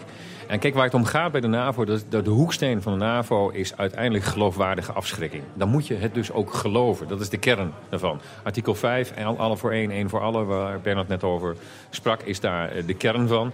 Ehm, en je moet eigenlijk de kosten voor je potentiële tegenstanders zo hoog mogelijk maken dat ze het uit zijn hoofd laten om, eh, om avonturen aan te gaan eh, die de belangen van de, eh, de NAVO-lidstaten schaden. Tegelijkertijd heb je het over geloofwaardigheid. Eh, president Obama die had het over de belangrijkste NAVO-top sinds het einde van de Koude Oorlog. Natuurlijk wel gewoon een vertrekkende president. Als we kijken naar wie hierna komen. Trump heeft al gezegd, als Europa zelf niet eh, orde op zaken stelt, meer gaat besteden. Ik weet nog niet of ik eh, wel of niet eh, met de Verenigde Staten in die NAVO wil zitten. Is Oost-Europa ook niet gewoon heel bewust dat Amerika niet per se meer eh, hun Nou, veiligheid garandeert en dat eh, Europa één- zelf meer moet doen? Eén correctie. Mag Hannibal, Hannibal, maar één correctie. Ehm, het, het is niet zo dat eh, Trump zegt... ze- ze zoeken het maar uit, ik wil ze niet meer verdedigen. Hij zegt, ik wil het niet meer betalen. Het is onredelijk dat Amerika de grootste last draagt van de Europese verdediging. Dat- en dat vinden, al. overigens, dat, ja, dat vinden overigens de meeste Amerikanen. Dat is Trump helemaal niet alleen. Ja, kijk, ehm, de, de Oost-Europeanen, of de midden- Midden-Europese landen... die maar, zich grotere zorgen maken dan landen als, eh, als, als Duitsland... eh, die vragen nu om ehm, inhoud te geven aan dat, aan dat NAVO-lidmaatschap... inhoud te geven aan die collectieve zelfverdediging... die we daar met elkaar hebben afgesproken. Dat gebeurt nu. Dat gebeurt met een paar duizend soldaten. Die er worden dan ook gestationeerd. Eh, dat is op zichzelf symbolisch, ehm, maar niet alleen maar symbolisch. Het heeft ook echt betekenis. De NAVO heeft dus weer een taak en ook een opdracht en een bestaansrecht binnen de box noemen ze dat. Dus binnen het, eh, ehm, de verdediging van de, van de, de landsgrenzen van de, van de lidstaten. En eh, we hebben heel veel avonturen van de NAVO gezien, veel verder weg. Hè? Afghanistan, ehm, eh, er zijn andere operaties geweest, Somalië. Ehm, eh, en, en dit is weer de klassieke NAVO-taak. Dus in die zin is het weer terug bij af. Maar dan wel in een moderne jasje. Ja, en, en even op, want jouw vraag was, heeft Obama, overdrijft hij niet een beetje met de belangrijkste? Overdrijft hij Eh, niet een beetje, nee, Bernard? Ja, ehm, ja, natuurlijk, want dat is altijd een beetje zo. zo. zo belangrijk is het misschien ook wel allemaal niet. Aan de andere kant, er zijn ook een heleboel andere dingen, heeft eh, Obama ook benoemd. Eh, de, de, de strijd eh, in Syrië. Eh, het gedoe met eh, Rusland over hoe je dat nou verdeelt. Want in feite is het een verdeelde strijd. Er komt ook nu gelukkig weer eh, voor het eerst na hele lange tijd een top tussen NAVO en Rusland. Dat is allemaal heel goed. Maar het gaat ook, heeft hij gezegd, over eh, de vluchtelingencrisis in Europa. En ook over de brexit. Eh, omdat, en dat heeft hij net, net, ik las het net nog even in de nieuwsberichten, ook nog heel nadrukkelijk gezegd. Moet wel duidelijk zijn dat Engeland in, in, in NAVO-opzicht, dus als defensiepact, een hele belangrijke, zo niet de belangrijkste partner blijft. Dus in die zin is het heel goed om een aantal dingen op een rij te zetten. En, eh, ja, maar wat ik- verwachten jullie eruit komt? Is die eendracht er? Is die eenheid er? Wat denken jullie? Ja, maar wat eruit komt is dat we dus een aantal eh, duizend, een paar duizend eh, soldaten zullen eh, in een soort van ehm, forward operating role noemen ze dat dan. Dus die komen helemaal aan de, aan de grens met Rusland, worden die gestationeerd. Daar worden meer oefeningen gedaan. Je zult wat afspraken zien rondom cyber, een, zeg maar het nieuwe terrein van oorlogvoering, ehm, eh, waar de Russen ons ook de hielen laten zien. Ehm, eh, en tegelijkertijd zul je ook een open hand zien naar de Russen. Want dat is nodig. eh, omdat je moet ook in de psychologie, nou doen de Duitsers vaak veel beter. Je moet in de psychologie van, van de Russen durven meedenken. En dan weet je ook dat, het, eh, eh, ja, dat diplomatie daarbij hoort. Ik ben bijvoorbeeld zelf heel blij dat de NAVO en Rusland hun NAVO-Ruslandraad weer hebben eh, weer, weer teruggebracht. Daar heb ik twee jaar voor gepleit. Is nu gebeurd. Dat voorkomt in ieder geval, hoop ik althans, dat we bijna ongelukken gaan krijgen Nog- zoals we die in de Koude Oorlog Nog hebben. even een belang, ander belangrijk punt eigenlijk is Poroshenko. Die moet nu even de beelden af gaan geven, begrijp ik. Hè? Van MH17 radarbeelden. Nou, Gaat ja, dat de, gebeuren, de, denk de? Russen, de Russen ook. Dat, dat, dat, dat verzoek wordt nu weer door het OM gedaan. Maar dat was daarvoor al door de Nederlandse regering gedaan. Er is een misvatting over dat dat eh, niet zou zijn eh, gebeurd. Dat is eigenlijk een herhaald verzoek om radarbeelden, als ze er zijn... of als er nog kopieën van zijn, om die af te geven. Dat geldt ook voor Rusland. En het Ja. laatste verzoek is aan Rusland en niet aan Oekraïne. Maar gaat het gebeuren? Als je heel reëel bent, is het gevoel dat dat niet gaat gebeuren, toch? Nou ja, kijk, eh, het, het verzoek is al herhaaldelijk gedaan. bedoel ik dus. En dan Ja. moet je dus met andere vormen van bewijs doen. Het OM zegt dat te kunnen, maar eh, ze zullen niets aan het toeval overlaten... en dus deze verzoeken ook blijven doen. Ja. Nou, goed, gaan we afwachten. Belangrijke dagen dus even, maar Absoluut. jullie hebben goed, we, we kunnen rustig slapen, laat ik het zo stellen. Ja hoor, en, en je ook niet laten verleiden om, eh, om zeg maar, dit als een provocatie te zien. Want dat is echt niet zo. Nee. En nog, nog één dingetje. Het is ook heel goed om tegelijk diplomatie en dreiging te doen. Dat is een bekende combinatie in de politiek. En je moet tegelijkertijd ook tegen de. Russen Ja. zeggen... we begrijpen jullie ook wel een beetje. Net een huwelijk, hè, als je het zo hoort. Let's talk about it. Ja, heel goed. Belangrijk eh, voor deze wijze les tot slot nog, Bernard Handenburg. Hoe lang was je ook alweer getrouwd? Eh, 48 jaar. 48 Wilfred. jaar, Ja. het is echt ongelooflijk. Ja, zeg. ja, ja. Saaie man ben ik Ik ga daar geen vragen over beantwoorden. Nee? Binnenkort de politiek uit, ik heb het al door. Stuart Toline blijft nog even staan. De heren zijn klaar. Wij gaan zo meteen door in deze uitzending. Tot zo. De Friday Move wordt mede mogelijk gemaakt door Arend. Inrichters, we denken graag met u mee. BNR Nieuwsradio. Zet je aan. The Friday Move. This is obviously a very somber morning in the city of Dallas. Zij waren tijdens hun uitzending in Mali aan het oefenen met een 60 mm mortier. For all of this, I express more sorrow, regret. Wilfred Gené. Met de Friday Move live vanuit de Sky Lounge van het Doubletree bij Hilton Hotel in Amsterdam. Met de beats van onze eigen DJ Thomas Robson.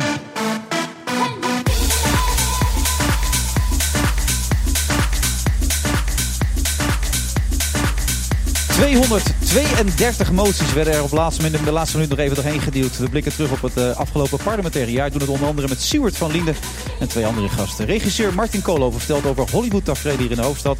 En Jaap Stalenburg doet de vaste voorspelling voor de EK-finale Frankrijk-Portugal.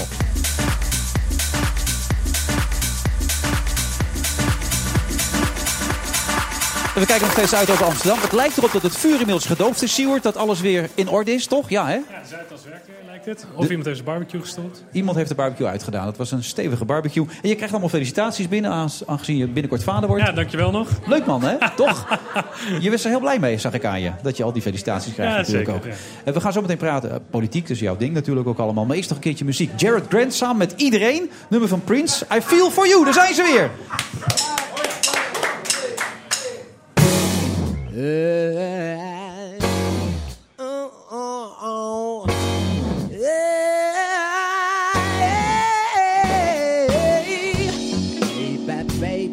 when I look at you, I get this warm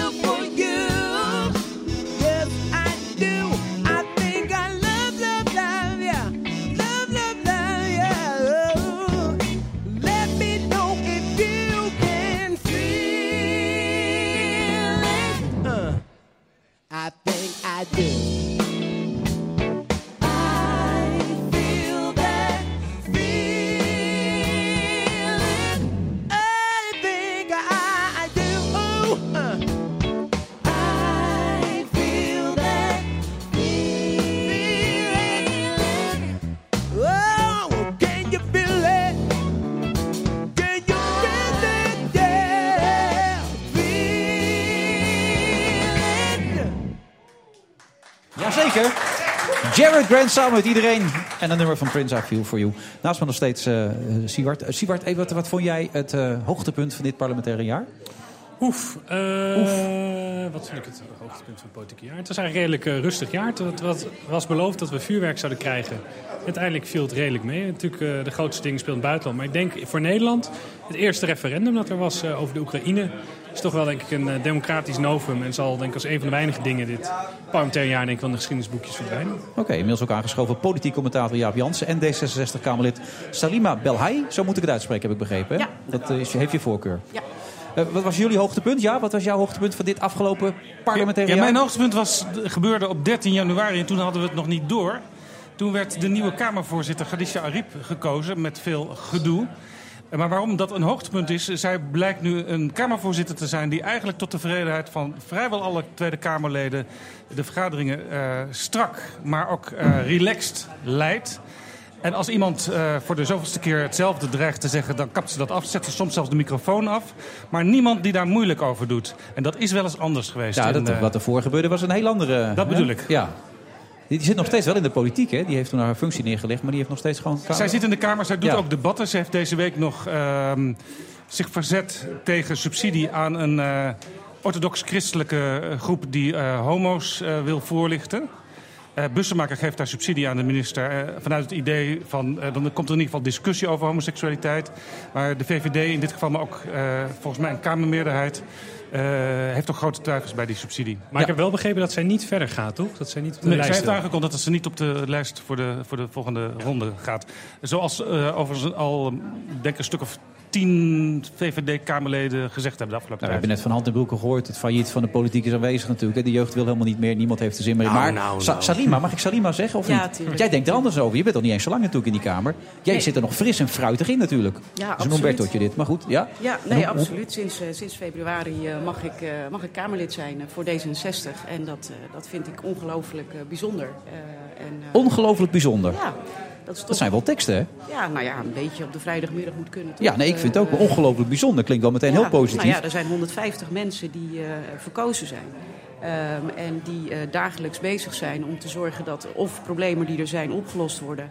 Of een poging doen om elkaar via het debat eh, intellectueel uit te dagen. En ehm, ik vind het gewoon goed en mooi om ook af en toe te zeggen hoe bijzonder het is dat wij zo'n goed functionerende democratie hebben. Ja, u, u was de opvolger van, mag ik je trouwens zeggen? Ik Ja, wil gewoon tutoyeren. Van Wasila Hachi. Hoe gaat het nu met haar? Wat doet ze nu eigenlijk op dit moment? Ik weet niet wat ze doet. Ehm, Geen contact ook- meer? Nee, ik heb eh, geen eh, persoonlijk contact met haar. Het is natuurlijk heel verdrietig hoe, eh, hoe dat gegaan is. En ook uiteindelijk dat ze de beslissing heeft genomen om... eh, Hoezo om verdrietig dan? Het is toch een eigen keuze geweest? Of? Het is een, een eigen keus geweest, dus dat is voor haar positief. Maar ja, je zag toch dat daar heel veel debat over kwam.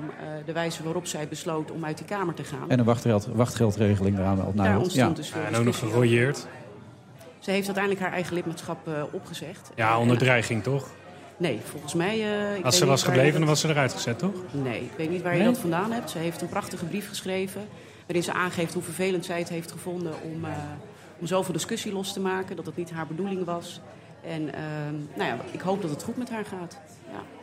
Maar niemand heeft contact meer met haar van de partij. Eh, volgens mij wel eh, het landelijk bestuur heeft contact met haar... maar ik zelf eh, ben niet dagelijks bezig met hoe het met haar gaat. Oké. En Ja. is het nou een warm bad of is het een slangenkuil? Een paar maanden nu zitten we erin. En? Ik denk geen van beide. Kijk, politiek is een, is een bepaalde wereld. Het geldt net zoals voor vele andere beroepen. Daar kies je voor, daar moet je tegen kunnen. Ik ben niet zo cynisch om te zeggen dat het een slangenkuil is. Maar je moet je wel bewust zijn dat het een hoog niveau is waarop politiek bedreven wordt. En niet alleen op de inhoud, maar ook alle omstandigheden die, daar, eh, die eromheen zitten. Ja, het is een presentatie. Het is steeds Amerikaanser geworden natuurlijk. Alles komt er een beetje bij kijken natuurlijk ook, toch? Ja, maar er zit ook gewoon heel veel technisch werk in. Eh, dat is niet wat veel mensen thuis zien natuurlijk. Maar je hebt gewoon je commissievergaderingen... en dan zit je met je collega-woordvoerders van alle politieke partijen... gewoon gezamenlijk te kijken wat vinden we van een voorstel. Eh, klopt het, klopt het niet? Vinden we dat de minister harder moet lopen? Dat zijn ook gewoon dingen die dagelijks gebeuren. Heb je al een politieke overwinning geboekt voor je gevoel? Ja, het is eh, voor mij eh, wel een echt een politieke overwinning. Dat is eh, verkeersveiligheid is jarenlang, ook in de tijd dat ik in Rotterdam actief was, een belangrijk thema. Vooral afgelopen jaar 50 meer verkeersdoden, 621 verkeersdoden. Ehm, en ik vind het bijzonder dat in Nederland het niet zo was dat de registratie erover van hè, oorzaak, waar gebeurt het nou, is het de zon, is het te hard rijden, dat dat goed geregeld was. En eh, gisteren is mijn motie aangenomen. En dat betekent eh, dat we eh, in Nederland eh, gaan zorgen dat dat wel afdoende geregeld is. En dan kan je goede maatregelen Vind je het een overwinning of niet? Je kijkt erbij van... Nou ja, nou, het, als je een, eh, het lijkt me lekker, al- het gevoel als Kamerlid dat je gewoon je emoties binnenhaalt. Nou, dat lijkt me prima, toch? Ja, absoluut. We praten zo even, even door over dit parlementair jaar. We krijgen zojuist door dat Steve Cummings de eerste bergrit heeft gewonnen in de Tour. Dat Greg van Avermaat nog steeds de leider blijft daar in de Tour de France. Praten we later in deze uitzending ook nog even over met Jaap Stalenburg.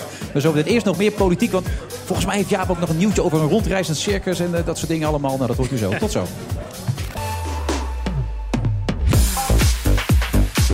Friday Move van de vrijdag 8 juli Sky Lounge van de Doubletree bij Hilton Hotel in Amsterdam. U kunt nog steeds langskomen. Hebben mensen in grote getalen gedaan. Er is bijna geen plaatsje meer over. Het zit hier nokkie, nokkie, nokkie. Maar wat ik al zeg, probeer gewoon een plaatsje te zoeken. Eh, nog steeds aanwezig hier Jaap Jansen, Salima Belhai en natuurlijk Siewert van Linden.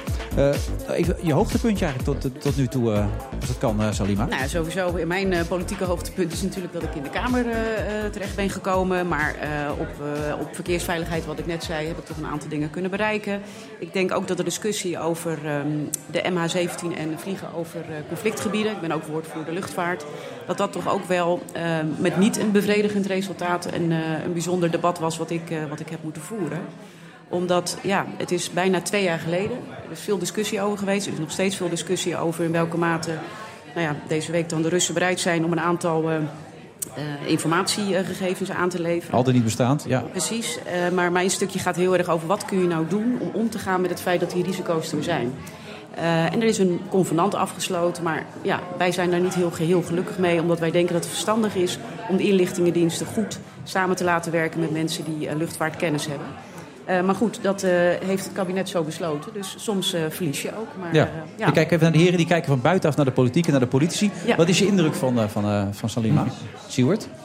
Eh, nou ja, dus ik denk dat ze best wel een ideaal moment heeft dat ze de politiek in is gekomen. Het is natuurlijk een redelijk rustige periode geweest in de Kamer. Dus alle tijd om in te werken. mooie sprong naar de volgende campagne. Neem maar dat je gewoon wel voor de lijst gaat, toch? Volgende In verkiezingen. principe wel. Mocht er in de zomer Ja. nog eh, nieuwe inzichten komen, dan kan het anders zijn. Maar in principe Is daar een reden voor om dat te vermoeden? Nee, maar het is wel een, het is een intensieve, intensieve vijf maanden. En het is gewoon heel menselijk en heel gezond om ook even je rust te pakken en goed eh, te reflecteren. Maar twijfel eh, je dan? Nee, ik twijfel niet. Eh, absoluut niet. Maar het is, ik zeg het er wel even bij, omdat ik denk dat het gezond is om ook eh, na een eh, heftig politiek halfjaartje... om gewoon een beetje te reflecteren op, op wat, wat je je- hebt wat je eigenlijk zegt, reflecteren is altijd ik- belangrijk. Ja, maar ik ben niet helemaal nieuw natuurlijk, want ik ben acht jaar lang politiek leider geweest in Rotterdam. Ja. En heb daar eh, nou ja, genoeg meegemaakt en loop ook al 15 jaar mee bij het de is een flink partij. verschil, toch? Gemeenteraad of de Tweede Kamer. Er is een, eh, een absoluut groot verschil. Het is wel alleen de gemeenteraad van Rotterdam. Daar is natuurlijk wel wat gebeurd de afgelopen, nou, laten we zeggen 15 jaar. In Rotterdam is altijd wat te doen, dat mag je stellen. Ja. Ja, en eh, het debatniveau is, eh, wordt ook op zijn scherpste gevoerd. Eh, nou ja, de komst van Abu Talib heeft natuurlijk ook wat beweging losgemaakt. Dus het is een hele gepolitiseerde stad per definitie. Eh, dus ik zie dat alleen maar als een mooie bagage dat ik dat, eh, ja, het harde werk, laat maar zeggen, heb mogen, mogen leren. O- Over Abu Talib gesproken. Natuurlijk, PvdA is de enige die nog een leiderschapsstrijd eh, krijgt. Abu Talib heeft een soort van gezegd... ik wil niet terug, tenzij ik gevraagd word. Kan je ook zeggen, nou, dat is een slimme move zijn van Abu Talib. Als jij hem inschat, blijft hij in Rotterdam? Of zouden we hem toch nog eens een keertje op Binnenhof kunnen terugzien? Ik denk dat hij nu wel duidelijk heeft gezegd dat hij in Rotterdam blijft. En eh, ik eh, kan alleen maar zeggen dat ik daar blij mee ben. Want ik heb ze ook in zijn selectieprocedure gezeten. Dus ja, ik, eh, ik denk dat hij dat goed doet. Ja, en wat hij daarna gaat doen, dat is volgens mij aan de PvdA. En het is een beetje gek als D66 om eh, daar dingen van te vinden. Ja. Maar, eh, Daar zou, daar zou Jaap nu nog met een nieuwtje komen, toch Ja? Nou, wat interessant was, gisteren zijn er dus eh, meer dan 220 moties ingediend en, en is overgestemd. 220 moet je je voorstellen, in de jaren 70 was dat het aantal dat in een heel jaar als motie werd ingediend. Dat gebeurt nu dus op één dag. Ja, nog even doorpakken, was het wel. Het afgelopen jaar iets van, afgelopen parlementaire jaar iets van 4000 moties. Echt ongelooflijk, belachelijk eigenlijk. Bij elk raar onderwerpje worden meteen 10 moties ingediend. Maar goed, dat gebeurt nu eenmaal. Een van die moties eh, vannacht was een motie eh, waar ik zelf een beetje ook nog eh, misschien de aanzet toe heb gegeven. Nou, het gaat namelijk over de Oh, verbouwing van de oh, Tweede wacht Kamer. even, nou, nu gaat het komen, ja. Eh, op een gegeven moment vond ik in een van die eh, Breaking news. eh, honderden pagina's dat er per als je de Prinsjesdag wil door laten gaan op het, in de Ridderzaal, die niet verbouwd wordt, maar die wel tussen de bouwputten staat op het Binnenhof van Eerste Tweede Kamer en van Algemene Zaken. dan zou een week of vier per jaar zou een deel van het Binnenhof weer ontruimd moeten worden. Al die hijskranen weg en zo. Om die gouden koets daar te laten aankomen en de koning en de koningin naar binnen te laten treden. Overigens met Als alle... geen hersenschudding heeft. Ja, mag ga door, ja. Met heel veel troep nog steeds omheen en geen publiek. En het kenmerk is natuurlijk wel dat het een publiek evenement is. Dus vier weken per keer. En het zou zes jaar gaan duren, dus reken maar uit. Dan zou die eh, hele verbouwing een half jaar extra Dus? gaan duren. Dus kwam de VVD op het idee... Wij dienen een motie in om Prinsjesdag ergens anders te laten plaatsvinden. En die motie is eh, vannacht met eh, geloof alleen CDA en ChristenUnie tegen aangenomen. En dat betekent dus dat eh, de voorzitter van de Eerste Kamer, dat is Ankie Broekers-Knol, die is voorzitter van de Verenigde Vergadering, op zoek moet naar een andere locatie. En de meest voor de hand liggende locatie is de Grote Kerk in Den Haag.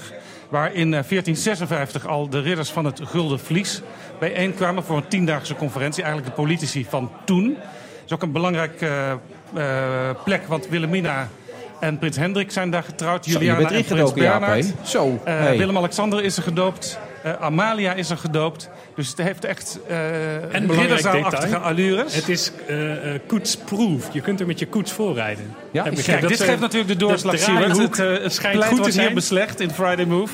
Het is koetsproof, zegt Siewert. Maar er is nog een ander leuk ideetje... en dat gaat nu ook serieus overwogen worden. Eh, Utrecht heeft al gezegd, kunnen wij niet een keertje Prinsjesdag eh, doen? Amsterdam eh, zou daar ook wel voor voelen. Wacht eens even, Prinsjesdag komt mee toe deze zomer. Is dat het Zoiets, ja. De Oh, Gouden Koets komt naar je toe. wel- Ja? Er zit natuurlijk wel haak en oog aan. Het wordt natuurlijk duurder. Je moet een, een, in Utrecht moet je een route voor die koets verzinnen. In Amsterdam moet je een route van die koets verzinnen. Want stel, je, stel je voor in Amsterdam komt de koets voorrijden bij het Koninklijk Paleis op de Dam. Het moet dan, ze moeten dan eigenlijk 20 meter verder worden afgeleverd bij de Nieuwe Kerk. Nou, dan moet je dus een hele mooie route door het centrum voor bedenken. Eh, maar dat is een van de dingen die overwogen gaat worden. Ik weet niet. Volgens mij moet er nog echt eh conclave plaatsvinden met de koning zelf. En de koning, ehm, hoorde ik deze week, die heeft juist als het over dit soort dingen gaat... waar hij zelf in betrokken is, wel een hele stevige vinger in de pap... en kan ook best wel de voet dwars zetten. Er ging ook een gerucht deze week dat Stef Blok, de minister die over die eh, renovatie gaat... eigenlijk helemaal niet te porren was voor dat eh, weghalen van, eh, vanuit de ridderzaal van Prinsjesdag. Omdat hij dan daar uitgebreid met de koning over zou moeten confereren. Maar ja, het is nu gewoon een Kamerbesluit. En Blok heeft gezegd, dat accepteer ik dan. En mevrouw Broekers-Knol van de Eerste Kamer die mag nu dus uitvoeren wat de gevolgen zijn. Je hebt het redelijk uitgebreid verteld, Jaap, dit. Maar ik zie ook een heel lijstje voor je. Dat heb je helemaal opgeschreven, zo voor het allemaal. Dus wat dat betreft... heb je dat... Wat zijn jouw verwachtingen voor het komend jaar? Wat, wat, wat gaat er aan spicy dingen gebeuren, denk jij? We gaan richting de Eh, verkiezingen nou ja, we gaan langzaam maar natuurlijk richting de verkiezingen. Nog steeds is de vraag in de Eerste Kamer of de komende justitiebegroting er doorheen gaat. Eh, er was dit jaar al vragen over of de, eh, die begroting ja, wel of niet aangevuld moest worden. En de verwachting was eigenlijk dat eigenlijk D66 en het CDA het kabinet het heel erg moeilijk zouden maken. En uiteindelijk zijn ze net door de pomp gegaan. En de vraag is of ze dat eh, komend jaar het kabinet ook weer gaan gunnen. In ieder geval in de Eerste Kamer merk je alweer dat de, de hakken in het zand eh, staan. Maar voor de rest, het is bijna klaar. Het regeerakkoord is uitgevoerd. De Kamer heeft nog een aantal initiatiefwetsvoorstellen liggen. Ik heb begrepen van de Kamervoorzitter dat... We bollen eh, een beetje uit eigenlijk, Er, er nog voor een half jaar aan spoeddebatten klaar ligt. Dus die kunnen ze nu allemaal gaan inhalen van de afgelopen jaren. Eh, maar het is een beetje uitbollen. Nou, dat klinkt niet echt heel spannend, Salima. Dan kun je lekker een beetje is doorrollen zelf ook nog, toch? Ik dacht, eh, nu wordt, gaat het leuk worden. Nou, volgens mij is het inderdaad wel het laatste jaar. Maar ja, liggen er gewoon nog genoeg dingen te doen. Hè. Het is niet zo dat als er niks spannends gebeurt... dat er dan eh, geen discussies eh, worden gevoerd. Maar ik denk ook wel dat het thema integratie... ehm, een belangrijk onderdeel gaat zijn het komend half jaar. Dat was misschien ook wel opvallend eh, van het afgelopen half jaar. Is natuurlijk eh, de opkomst van Denk. En eh, de wijze waarop ze zich positioneren. Ja, Jij kent natuurlijk uit Rotterdam ook NIDA, die zitten daar in de gemeenteraad. Ja. Is dat net zoiets als Denk? Ehm, ja en nee. Denk die, die afficheert zich niet met, met een religieuze filosofie of ideologie. En, en NIDA heeft wel van oorsprong een islamitische grondslag. Hoewel Noordin eh El Ouali komt voort uit GroenLinks. En Kuzu, die ken ik dan ook weer uit Rotterdam, die zat toen nog bij de PvdA inderdaad. En later natuurlijk ook in de Kamer. Dus het is wel opvallend ook dat het twee mensen zijn die uit linkse eh, emancipatiepartijen komen... die zich vervolgens eh, eh, anders gaan ontwikkelen. Maar ik denk dat dat wel eh, een bepaalde dynamiek geeft. Denk je eigenlijk dat de D66 daar last van krijgt? Bij de laatste verkiezingen waren ze, geloof ik, zelfs de grootste partij onder de allochtone stem. Niet langer de P van de A, dat was toen een nieuwtje. Eh, denk je dat dat nu onder druk komt te staan nu Denker is? Of zal Denk eigenlijk sowieso marginaal blijven? Nou, of ze marginaal blijven, weet ik niet. Ik, ik denk dat wij er niet per se last van zullen hebben. Want kijk, het feit dat wij toen ook populair waren... ehm, heeft denk ik juist te maken dat er een hele nieuwe generatie is... die zich niet wil laten afficheren met zijn afkomst. En gewoon denkt, ik wil goed onderwijs, ik wil gewoon een baan hebben... en eh, ik, eh, ik sta gewoon vrij Ah, in- dat was ook een beetje een anti-Wilders stem, toch? Pechtel tegen Wilders. Nou ja, een anti-wilde stem, dat lijkt me ook volledig terecht. Omdat er gewoon al tien jaar lang toch wel iets aan de hand is. Wat niet heel erg bevorderlijk is voor eh, hoe mensen zich op dit moment verhoudt in de Toch, toch heeft de, de, de Elsevier even een ranglijstje gemaakt van de Haagse reputaties. En daar gaat eh, met name jullie eh, fractievoorzitter Alexander Pechtold wel heel erg het schip in. Die, eh, die gaat aan kop als het gaat om de dalers op dit moment. Nou, dus dat- het gaat ja, helemaal dat mis de waarschijnlijk. Ja, ja, dat- oh, die moet je niet serieus nemen. Nou, jawel, maar eh, ja. Daar ging je bijna. nou ja, het is niet de kwestie van gaan of niet. Ik zit toch gewoon lekker Ah, met jullie ja, te ja. praten. Ja. Maar ik heb het nog niet gelezen. Ik ga het zeker bekijken. maar kijk nou zelf, je ziet Ja. hier gewoon het overzicht. En, Ja. Kijk, bovenaan staat trouwens Misschien moet je hem omdraaien. Als je hem omdraait, dan klopt hij weer. Dan staat hij bovenaan. Zie Daarbij je dat staat echt, nee, het staat echt Daler staat hier. Staat daar en daar staat ook heel duidelijk bij Alexander Pechtold. Kassa gaat net dicht, jammer. Hè, Volgens mij, eh, volgens mij gisteren Zonde. in de laatste peiling stonden we weer op 19. Dus gaat het gewoon hartstikke goed. En eh, ik zie geen reden om, eh, om ongerust te maken. En we weten hoe het werkt. Het is eh, eh, tot aan de verkiezingen altijd maar een peiling. Zo is het. En in Nederland kan het nog wel eens eh, bijzonder gaan verschuiven. Maar Dus we Salima, zullen na de zelfreflectie zien we jou gewoon terugkeren. En ga je er vol voor hebben, die verkiezingen, toch? Ja, lijkt me leuk. Dat hebben we bij deze afgesproken. Ja, dat denk jij toch ook, Jaap Jansen? Ik denk het wel hoor. Die zit er gewoon bij, toch? Die zien we voorlopig nog wat terug Ja. in, eh, in Den Haag. Die komt nog wel even van de bank, denk ik ook. Hè? Die Rotterdamse achtergrond natuurlijk. Die Ja, beuk, die eh, die kan er ja. overal tegenaan enzovoort. nou, eh, heren en dames, bedankt. Een fijne vakantie Ja, en tot in toegewenst. het eh, nieuwe seizoen. Ja, hey, maar was het gezellig met die barbecue en zo? ook? Of gaat het nog gebeuren allemaal? Hoe zit dat? Ik vond, eh, ik vond het gezellig gisteren. Ik Ja? heb ook eh, lekker gedanst met allerlei CDA-dames. Je hebt met Mona? Mona Keizer en? Madeleine Zeg van zo. BNR-verslaggever hoor. Ja. Was Maar heel je, gezellig je hebt je wel gedragen. Vorig jaar heb je je misdragen, dat heb ik gehoord, hè? Er zijn geen foto's van. Nee? Oké. Nou, nee, grapje. Oké, nou wij gaan hier nog even door. Tot zo, na de reclame. BNR Nieuwsradio. Zet je aan. The Friday Move. Een bom. Zo ervaart de Kamer de lijst van slecht functionerende verpleeghuizen. Oeh, een koe over de weg. Zag je dat? We're presented with a certainty that was not justified. Wilfred Genee. Is de dag dat vijf agenten zijn gedood bij een schietpartij in Dallas. Politiek Den Haag, eh, het zomerreces inluidt en lidstaten van de NAVO bijeenkomen in Warschau. Hij zit er nog steeds en dat doet hij tot half zeven. Siewert van Linden.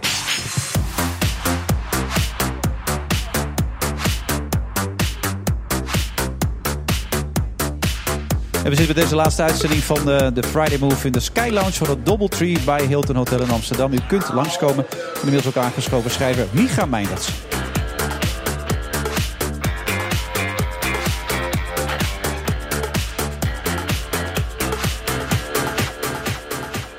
Micha, ik zeg het zo goed, hè? Ja, klopt. Waarom eigenlijk eh, Micha en niet Misha?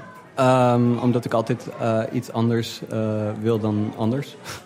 Oké, dat is het uitgangspunt in je leven eigenlijk. Ja. Nou, dat is aardig gelukt. Ja, dat geloof ik ook. Ja, want voor de duidelijkheid, je bent ooit geboren als meisje. Klopt. En je hebt er een boek over geschreven. Yep. Zou je kort het verhaal kunnen samenvatten, hoe jouw leven er tot nu toe uitgezien heeft? Ehm, nou, het is niet echt mijn leven. Ik heb mijn leven gebruikt om een, een roman te schrijven. En het gaat over Sibren die twintig jaar in Amerika heeft gewoond. En nu eh, als man eh, terugkeert naar Nederland. En daar een nieuw leven probeert op te bouwen. En eh, probeert uit te vinden wie hij eigenlijk is. En wie is hij dan? Eh, ja, daarvoor moet je het boek lezen. Ja, want schreef alles weg natuurlijk. Ja. Maar je bent het zelf ook gaan doen. Je bent zelf ook naar Amerika gegaan als vrouw. Bent Ja. ook getrouwd. Ja. En, en wat gebeurde er toen met je dan? Ehm, nou, ik had op zich een, een, relaxed leven. Ehm, ik heb een paar andere boeken geschreven. En uiteindelijk ehm, gingen mensen ervan uit dat die door een man geschreven werden. En zo begonnen ze me ook aan te spreken. En toen voelde ik van, ja, dit klopt veel beter met wie ik ben dan, eh, dan als mensen mevrouw zeggen en dergelijke. Ik wist het al vanaf kinds af aan. Op mijn negende kon ik het al benoemen. eh, dat mijn buitenkant niet eh, klopte met mijn binnenkant. Maar het heeft me nooit genoeg dwars gezeten om er echt iets aan te doen. En misschien heb ik het ook wel weggestopt.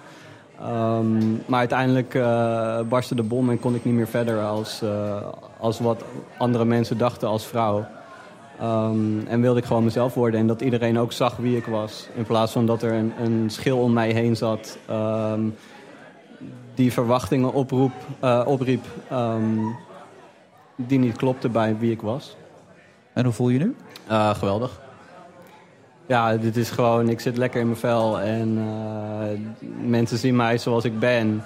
En ik kan ook veel vrijer met mensen omgaan. Want ik weet nu dat ze mij zien in plaats van iets waar ze allerlei eh, voorwaarden en, en verwachtingen opplakken die niet bij mijn eh, karakter passen. Maar naast het feit dat je getransformeerd bent tot, tot man, hoe ben je je karakter en je uitingen dan veranderd, ook als mens zijnde? Ehm, ik ben veel rustiger, ehm, veel relaxter. En eh, ja, ik hou gewoon van het leven nu. En eh, ja, dit, dit is... Je hield niet van het leven? Nou ja, ik heb nooit echt bij nagedacht of het leven leuk was of niet. Het was, het was er en dat was het enige. En nu heb ik echt zoiets nou kom maar op, eh, ik kan nu al alles aan. Ja, je hebt wel duizend vragen, denk ik. Jij waarschijnlijk ook, Siewert. Dat is het eerste dat bij jou opkomt als je zo'n verhaal hoort. Ja, ik vind het heel dapper dat je... A, dat je je ware zelf durft te zijn. En B, dat je daar ook nog zo voor uit durft te komen. Ik zat net toevallig... Hier op tafel liggen een aantal papieren over transgender, eh, tra- transgender personen. En waar ik het meest van schrok was eigenlijk dat 4% van de bevolking eigenlijk verward is over zijn of haar seksualiteit. Dat het veel meer voorkomt, terwijl het heel vaak nog wordt gepresenteerd als iets heel exotisch, toch?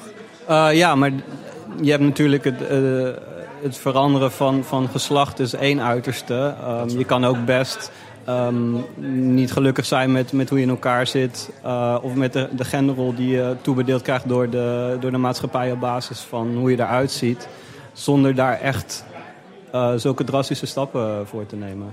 Hey, en eh, ik neem aan dat je hormonen Je zegt, gebruikt. maar je zegt dus dat het niet nodig is om die hele, hele weg af te gaan om toch gelukkig te worden. Is dat Niet zegt? voor iedereen. Voor Nee. mij was dat geen optie. Eh, voor andere mensen wel. Ik bedoel, iedereen heeft een eigen unieke verhaal. En ik, Ja. je kan op basis van mijn verhaal niet zeggen van dan moet iedereen het zo doen. Oké, dat wilde je vragen? Ja, ik was, ik was nog benieuwd. ehm, ik heb zelf, ik zelf een vriendin die heeft af en toe eh, die heeft schildklierproblemen. Die moet dan hormonen slikken om eh, weer helemaal in balans te komen. En wat mij altijd opvalt, was eigenlijk hoe eh, chemisch je gedrag bepaald is. Als je hormoonspiegel verandert, dat je echt een ander mens wordt. En daar was ik heel benieuwd naar bij jou is... Deels had je waarschijnlijk al voor jezelf al... je beschreef, je, je schreef, je werd als een man gepercipieerd.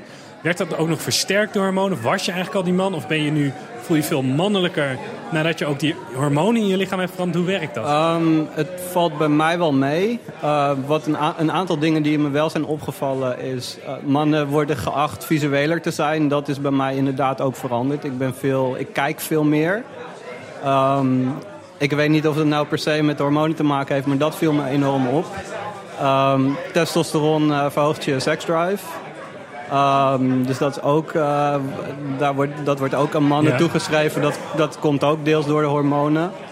Ehm, ik ben niet agressiever geworden. Da- daar zijn veel mensen vaak bang voor. Niet Ehm, alle mannen zijn agressief natuurlijk. Nee, goed, maar testosteron wordt wel als de roid rage en dergelijke wordt wel, eh, wel vaak genoemd. En ja, eh, er was nog iets, maar dat ben ik weer even kwijt. En vandaag stond in de krant was een discussie over de geslachtsoperatie. Dat ehm, mannen die een vrouw willen worden, of althans vrouwen die een man willen worden, die krijgen een penisreconstructie als Ja. ze dat willen uit de basisverzekering. Mannen die een vrouw willen worden, die krijgen wel wat hormonen voor wat borstgroei. Maar voor de rest, ja, als je echt een booblift wil, dan krijg je dat niet meer vergoed. Er was wat ophef over in de Tweede Kamer. Vind jij dat bijvoorbeeld ook dat dat echt erbij hoort dat je eh, zo'n operatie ook helemaal naar je eigen zelfbeeld moet kunnen bepalen? Dat je de borsten moet krijgen, de penis moet krijgen die je ook echt voorstelt? Nou, sowieso wordt voor eh, trans mannen eh, wordt de erectieprothese ook niet vergoed. Dus het, de- Nee, is er zitten wel grenzen aan. Ehm, wat het punt is bij trans vrouwen, ehm, hun lichaam is vaak anders dan dat van een, van een cisgender vrouw. Van een vrouw die als vrouw geboren is. Wat is een cisgender? Cisgender is tegenovergesteld van transgender. Oké, dus dat is gewoon als je gewoon tevreden bent met je eigen Ja, precies. geslacht. Ehm, als je als, als jongen geboren werd, als je, als je door de mannelijke puberteit gaat, dan krijg je een breder bovenlichaam. En als je dan ook nog heel weinig borstgroei hebt door de hormonen, want meer dan een B-cup, en dat is al vrij, vrij extreem, eh, wordt het vaak niet. Dan heb je dus een vrij breed bovenlijf met hele kleine borsten. Terwijl als je als cisgender vrouw weinig borstgroei hebt, dan heb je alsnog wel een, een vrouwenlichaam. Waardoor die verhouding allemaal beter klopt. Ja.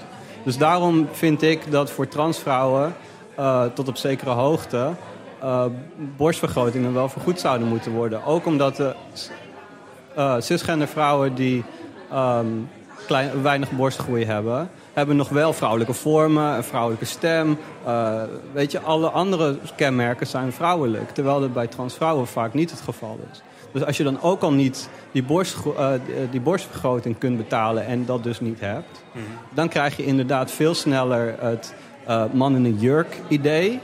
Wat niet klopt, maar wat veel mensen zo zien. En met alle discriminerende gevolgen van dien. Ja.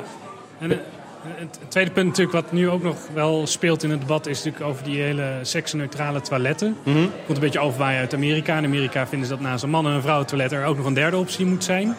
Eh, heeft het ook nog te maken, vind jij, met transgender personen? Of is dat, was dat helemaal geen issue voor jou? Ehm, nou, ik ging, ik ging ver voor mijn transitie al bij de heren naar de wc zonder problemen. Maar ja, andersom is dat veel lastiger natuurlijk. Ehm, ik zie niet in waarom er zoveel ophef over ge- gedaan wordt. Ehm, Nou ja, misschien omdat we pas nu voor het eerst een beetje erover beginnen na te denken.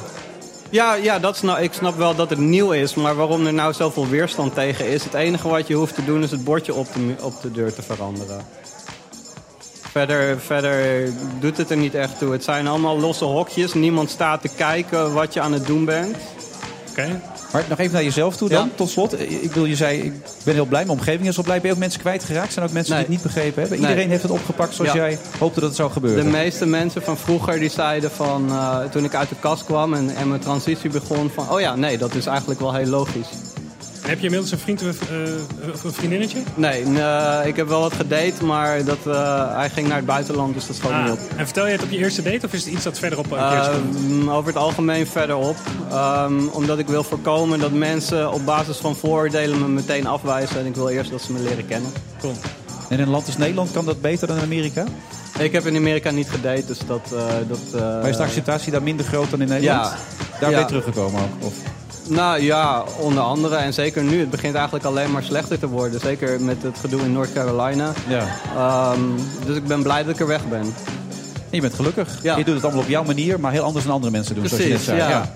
Nou, Micha, en niet Misha voor de duidelijkheid. Micha Meinderst, Veel geluk en veel succes ook. Dankjewel. Maar dat gaat wel lukken. En er ligt vanaf morgen in de winkel, begrijp Ja, ik? morgen is de perspresentatie. Oké, spannend? Ja. Nou, veel plezier daar ook. Dankjewel. En tot ziens. Dag. We praten zo meteen door met eh, Martin Koolhoven. Die heeft het met Ajax gehoord. Tot zo. Ja, vrijdag 8 juli. We zitten in de laatste uitzending van de Friday Move van dit seizoen. Eh, we gaan in augustus, september, oktober ergens gaan we vast hier beginnen. Ik hoor zojuist dat Roger Federer in vijf sets uitgeschakeld is. Daar baal ik nou echt als een stekker van. Gaat onze droomfinale Federer Murray. Jongen, jongen. Zonde. Echt balen dit, zeg hé. Ik stop ermee. Wat vind jij ervan, Martin?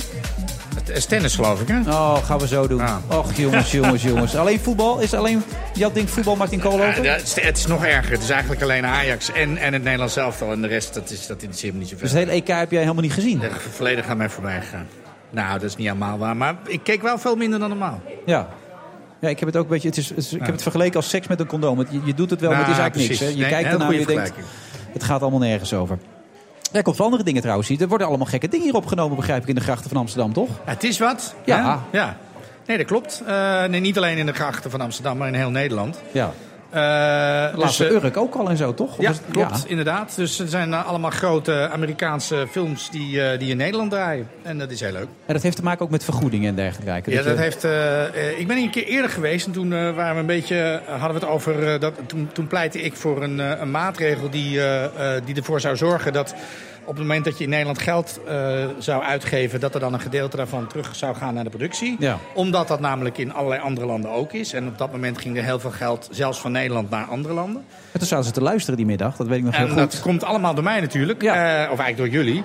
Eh, dat, dat, dat is, uiteindelijk is het een, de, de cash rebate is, ge- is dat geworden. En dat, dat blijkt heel goed te werken. Dus eh, er zijn in de eerste anderhalf jaar eh, zijn er geloof ik iets van 120 films eh, die daar gebruik van hebben gemaakt. Waarvan er 83 eh, uit het buitenland komen. Dus er wordt flink geld gespendeerd hier in Nederland nu aan, aan, aan, de economie. Maar dat gaat dan via de, via de Ik filmeconomie. kijk even de man die altijd kritisch van de buitenkant zit te kijken. Wat vind je van zo'n ontwikkeling? Ja, ik vind het interessant. Ik moet eh, terugdenken aan, wat was het, 2012, 2013... dat Woody Allen een film over Amsterdam wilde maken. Nou, eh, Midnight in Paris en die mooie film over Rome. En dat de gemeente wilde daar geloof ik niet aan bijdragen... waardoor we nooit een Woody Allen film over Amsterdam Ja, hebben ja gehad. nou, die Maar vroeg geloof ik, die nu vroeg geloof ik wel wel kunnen. 20 miljoen of zo. Hè? Dus dat, eh, Oh, dat, dat- is wel veel. Maar die Nou, zou nog steeds ik die film niet kunnen maken. Of Ah, dat ligt eraan. Kijk, het, het is in ieder geval zo dat hij, als hij nu hier naartoe komt, dat, hij, dat, hij, eh, dat dat een stuk goedkoper is dan dat dat was. Hmm. Eh, alleen zijn eh, specifieke eh, model is dat er toch wel heel erg veel door een stad zelf eh, op de tafel gelegd wordt. Dus eh, dat, eh, ja, dat Een soort van marketingachtig. Ja. Maar zou Woody luisteren of luistert Woody niet? Nee, Woody luistert altijd Ja? bij mij. Ja, ja, ja, zeker. Dus die gaat binnenkort toeslaan ook. Dat denk ik ook. Maar bij 86 zei je zoveel? Zo 86 Ja, films? 83, ik weet niet precies. Daar houden we zoiets. En, maar Ja. er zitten ook echt goede dingen tussen. Met grote acteurs en eh Nou ja, bekende nu, nu heb je dus eh, de, de film waar onder andere Samuel L. Jackson in zit. Dus dat, Zo. is, eh, dat, nou, dat, is, dat, dat is een grote acteur. Ja. Je hebt de nieuwe film van Christopher Nolan. Christopher Nolan is degene die de, die de laatste eh, die, die trilogie heeft gemaakt, The Dark Knight, die Batman-films. En, ja, en nog heel veel grote films. eh, dus de- ja, dat, dat, dat, dat is echt de, Maar gaat het de om- eredivisie. Maar gaat het om dan buitenlandse filmmakers die hier komen en een belastingvoordeel krijgen? Of gaat het vooral ook om Nederlandse filmmakers die dan niet de grens overgejaagd worden? Nou, in, eh, eh, het argument was tweeledig natuurlijk. Want het- van de ene kant was er, gingen gewoon Nederlandse films die, die in allerlei landen gingen draaien, omdat daar dat soort maatregelen waren. Eh, en van de andere kant kwam er niks hier. Dus dat was dubbel slecht. En nu eh, eh, gaan er dus meer mensen hier, blijven. Meer, meer films die hier blijven. Of ook meer gebruik maken van Nederlandse acteurs, Nederlandse crew, al dat soort dingen. Omdat daar een gedeelte van, van terugkomt. En er komen buitenlandse films die, die voorheen bijvoorbeeld altijd naar België gingen of zo. En ja, ik heb altijd geroepen van waarom zou België interessanter zijn dan Nederland? Dat kan maar met één ding te maken hebben volgens mij, en dat is geld. En dat is dus nu weg. Dus da- daardoor eh, zie je dat er, eh, dat er eh, nu ook hier... Maar je ziet ook de Nederlandse film nu floreren weer. Dat, dat, dat, dat nou, dat is, aan. niet, dat, dat, is natuurlijk nooit slecht. Dat, dat, dat acteurs en ook crew... Ik bedoel, mijn geluidsman die, die, die, die staat nu Samuel L. Jackson te draaien. Dat is, Zo. Dat, dat is toch leuk? Ja, dan heb jij hem niet, kan jij hem even niet hebben natuurlijk. Nee, maar, je zoveel films maak ik niet. Dus ik ben, eh, ben net klaar. Dus dan kan hij daar wat ervaring op doen. Is hij volgende keer nog beter, Ja. ik. Maar wat doe je dan de rest van de tijd eigenlijk? Beetje landrefanten. Nee, nee, dat duurt gewoon heel lang, films. Dus ik, ik ben nu net klaar met, eh, met de film. En dan gaan we nu kijken wanneer het die uitgebracht wordt. Hij moet nog verkocht Brimstone worden. is een dat, is die film. Brimstone, ja. Ja. Precies. Kun je er iets over vertellen of moet je het nog helemaal stilhouden? Nou, eh, ja, ik, ik kan een beetje vertellen dat, die, eh, dat het gaat over een, een, een, een, een vrouw die niet kan praten. En, en daar komt een, een, een, een dominee komt in, in het stadje, gaat zich af in Amerika, Mhm. in, in het Oude Westen. En dan eh, breekt de pleuris uit. Zover wil ik nog wel, eh, wil, wil ik nog wel vertellen. dat Dus is niet het heel eigenlijk. ver. Nee, dat is nog niet Dus, zo ja, veel. ik, moet, ik moet een beetje geheim houden. Ik heb expres eh, zo min mogelijk verteld. Dus eh, er zijn een, een, een handjevol mensen hebben de film nu gezien. Eh, En? eh, Wie speelt erin? eh, wie erin spelen? Ja? Eh, Dakota Fanning speelt eh, de hoofdrol. Guy, eh, Guy Pearce speelt eh, de dominee. En voor de rest zit Carice van Houten erin. Kit Harington zit erin. Ja, en... eh, eh, Maar daar hadden ze elkaar toch niet leren kennen? Of hadden ze daar elkaar leren kennen bij deze film? eh, ja, daar, daar, daar, hebben ze, daar, is het het gebeurd, gebeurd zeg maar. allemaal. Ja, Ja, dat daar is de slag. Dat- geslagen Dat, mag en ik met- nu geloof ik wel zeggen. Met ja. alle gevolgen van dien ook, Met hè? alle gevolgen van die. Ja, dat heeft, ja, hij wordt ook binnenkort vader trouwens. Is dat zo? Ja, Nou, 25 applaus, jaar oud en aan het eind van dit jaar gewoon. eh Hoe oud ben jij, joh? Veel te jong, toch? ja. 25. Ja, dat vind ik veel te jong. Veel te jong. Ja? Dat gaat nooit goed. Dat wordt, eh, Nou. Jou kunnen we afschrijven. Nou, lekker dit. Hoe oud was jij toen je vader werd al? Schrijf op. En 39 vond ik mooi. Ja, vind ik Ja. ook. 42 was ik toen ik vader Ja. werd.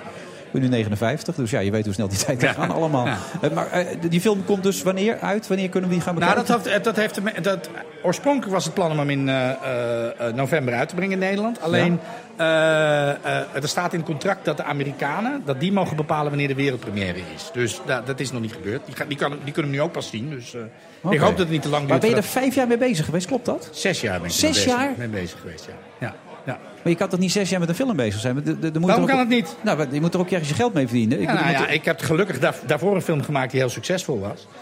En dat heeft... eh, Hebben we nu over oorlogswinter? Of hebben ja, we, of, ja. Daar ben je zo van binnen gerold dat je gewoon voor vijf jaar of zes jaar andere dingen kan doen. Ja. Dus zeg maar, en echt nou, het is niet alleen. Ik heb natuurlijk ook nog wel wat commercials gedraaid en eh, dat soort dingen. Ja. Eh, Maar het is een beetje zeg maar Tarantino-idee. Je, je maakt in je, je hele leven ongeveer 10 films. Nou, ik, ik heb er nu al negen gemaakt. Ik, het gekke is dat ik heel, heel lang heb ik juist heel vaak... Ik heb op een gegeven moment drie films in twee jaar of zo gemaakt. Dus eh, alleen eh, eh, op een gegeven moment wilde ik de, de, de verdieping opzoeken. En toen... Je zegt het zelf ook met een ondertoon. Ja, ja, ja, zeker. Ja. Ja. Maar ja, hoe kan je dat zonder enige ironie brengen? Maar het, het, het, is, het is wel waar. Het is een, het, Oorlogswinter heeft ook vijf of zes jaar geduurd... voordat die film van, van idee naar première... En toen Eh, deed je nog meer commercials maar waarschijnlijk niet toen, maar toen heb ik ook ondertussen andere films gemaakt. En dat wil ik niet meer. Ik wil gewoon eh, eh, me helemaal richten op... en ik hoop wel dat het volgende keer wat sneller gaat. Dat duurde nu ook wel heel lang. Maar ja, ik kreeg kinderen. eh, Dat Ja. soort dingen. Zo allemaal. Je genoot een beetje van het leven, ging naar Precies, Ajax toe. beetje Ajax zag weer een kijken, nou, titel misgaan tegen de Graafschap en zo. Hoe heb je dat verwerkt? Gaat het een beetje weer Ik een eh, weet niet waar je het over hebt. Nee? Ik heb geen idee. Jongen, wat een geweldige wedstrijd was dat allemaal. Maar hoe ziet er verder de agenda eruit dan? Is de komende vijf jaar even rust nu? Of? Nee, helemaal niet. Ik, eh, ik ga nu, eh, vrijdag ga ik op vakantie. En dan ga ik een heleboel dingen lezen en daarna ga ik weer schrijven.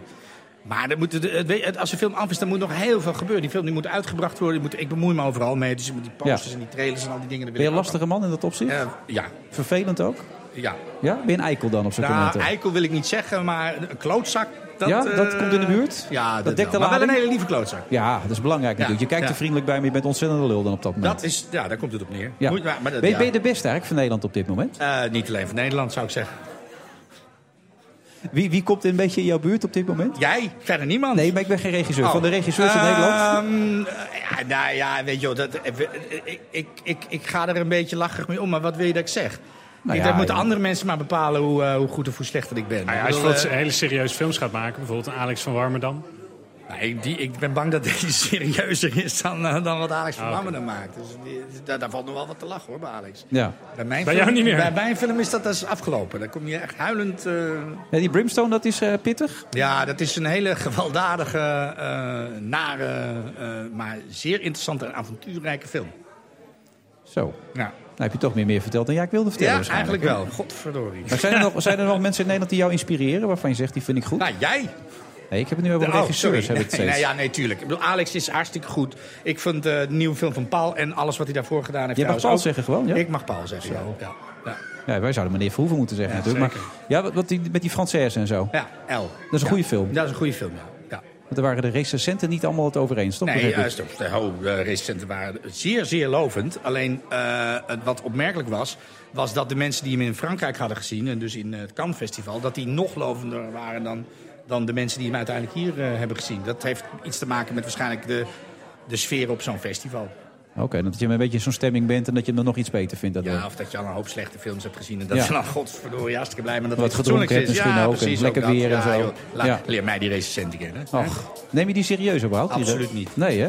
Zitten er ook eikels tussen? Of klootzakken, Ja, zoals zeker. jij Jij zegt? wil namen natuurlijk, of niet? Heel graag, ja. Ja. Wat vind je nou echt een klootzak? Eh, wie vind ik nou echt een klootzak? Moet ik even goed nadenken. Nee, ik, ik vind eigenlijk niemand een klootzak. Ze zijn ook allemaal best wel aardig voor me. Dus ik kan Ja? beter mijn mond houden volgens mij. Niet eentje waarvan je zegt, nou, een beetje een zure, nare, vervelende recensent. Nee, eh, Laten nee we het anders valt, gaan doen. valt reuze mee. Ik bedoel, eh, ik vind dat ik gewoon meer verstand heb van, van zaken dan zij. Ja. Dat, dat, dat, dat durf ik ronduit te Maar zeggen. het is tegenwoordig ook niet meer zo toch dat die recensenten een film maken of breken. Nee, dat was een de, vroeger, invloed, invloed van, eh van recensenten is niet zo heel groot meer. Nee. nee.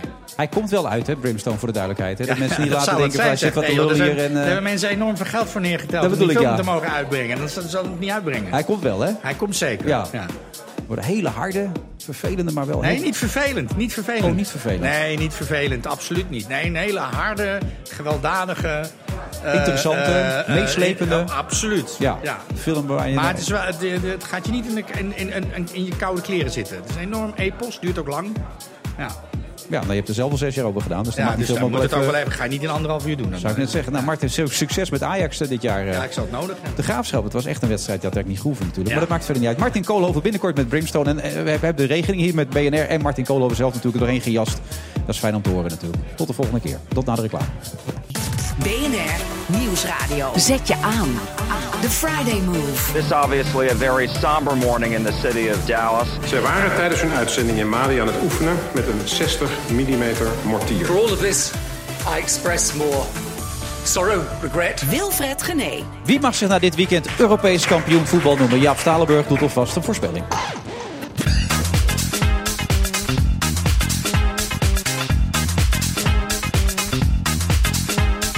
Toch weer het eh, laatste half uur van deze uitzending van de Friday Move. Ook alweer de allerlaatste van dit seizoen. De Sky Lounge van de Doubletree bij Hilton Hotel in Amsterdam is het decor voor deze laatste uitzending. U kunt nog, en dat is hooguit een minuutje of 25, nog langskomen om te genieten van aanwezigheid eh, van onze co-host Siebert van Niemen.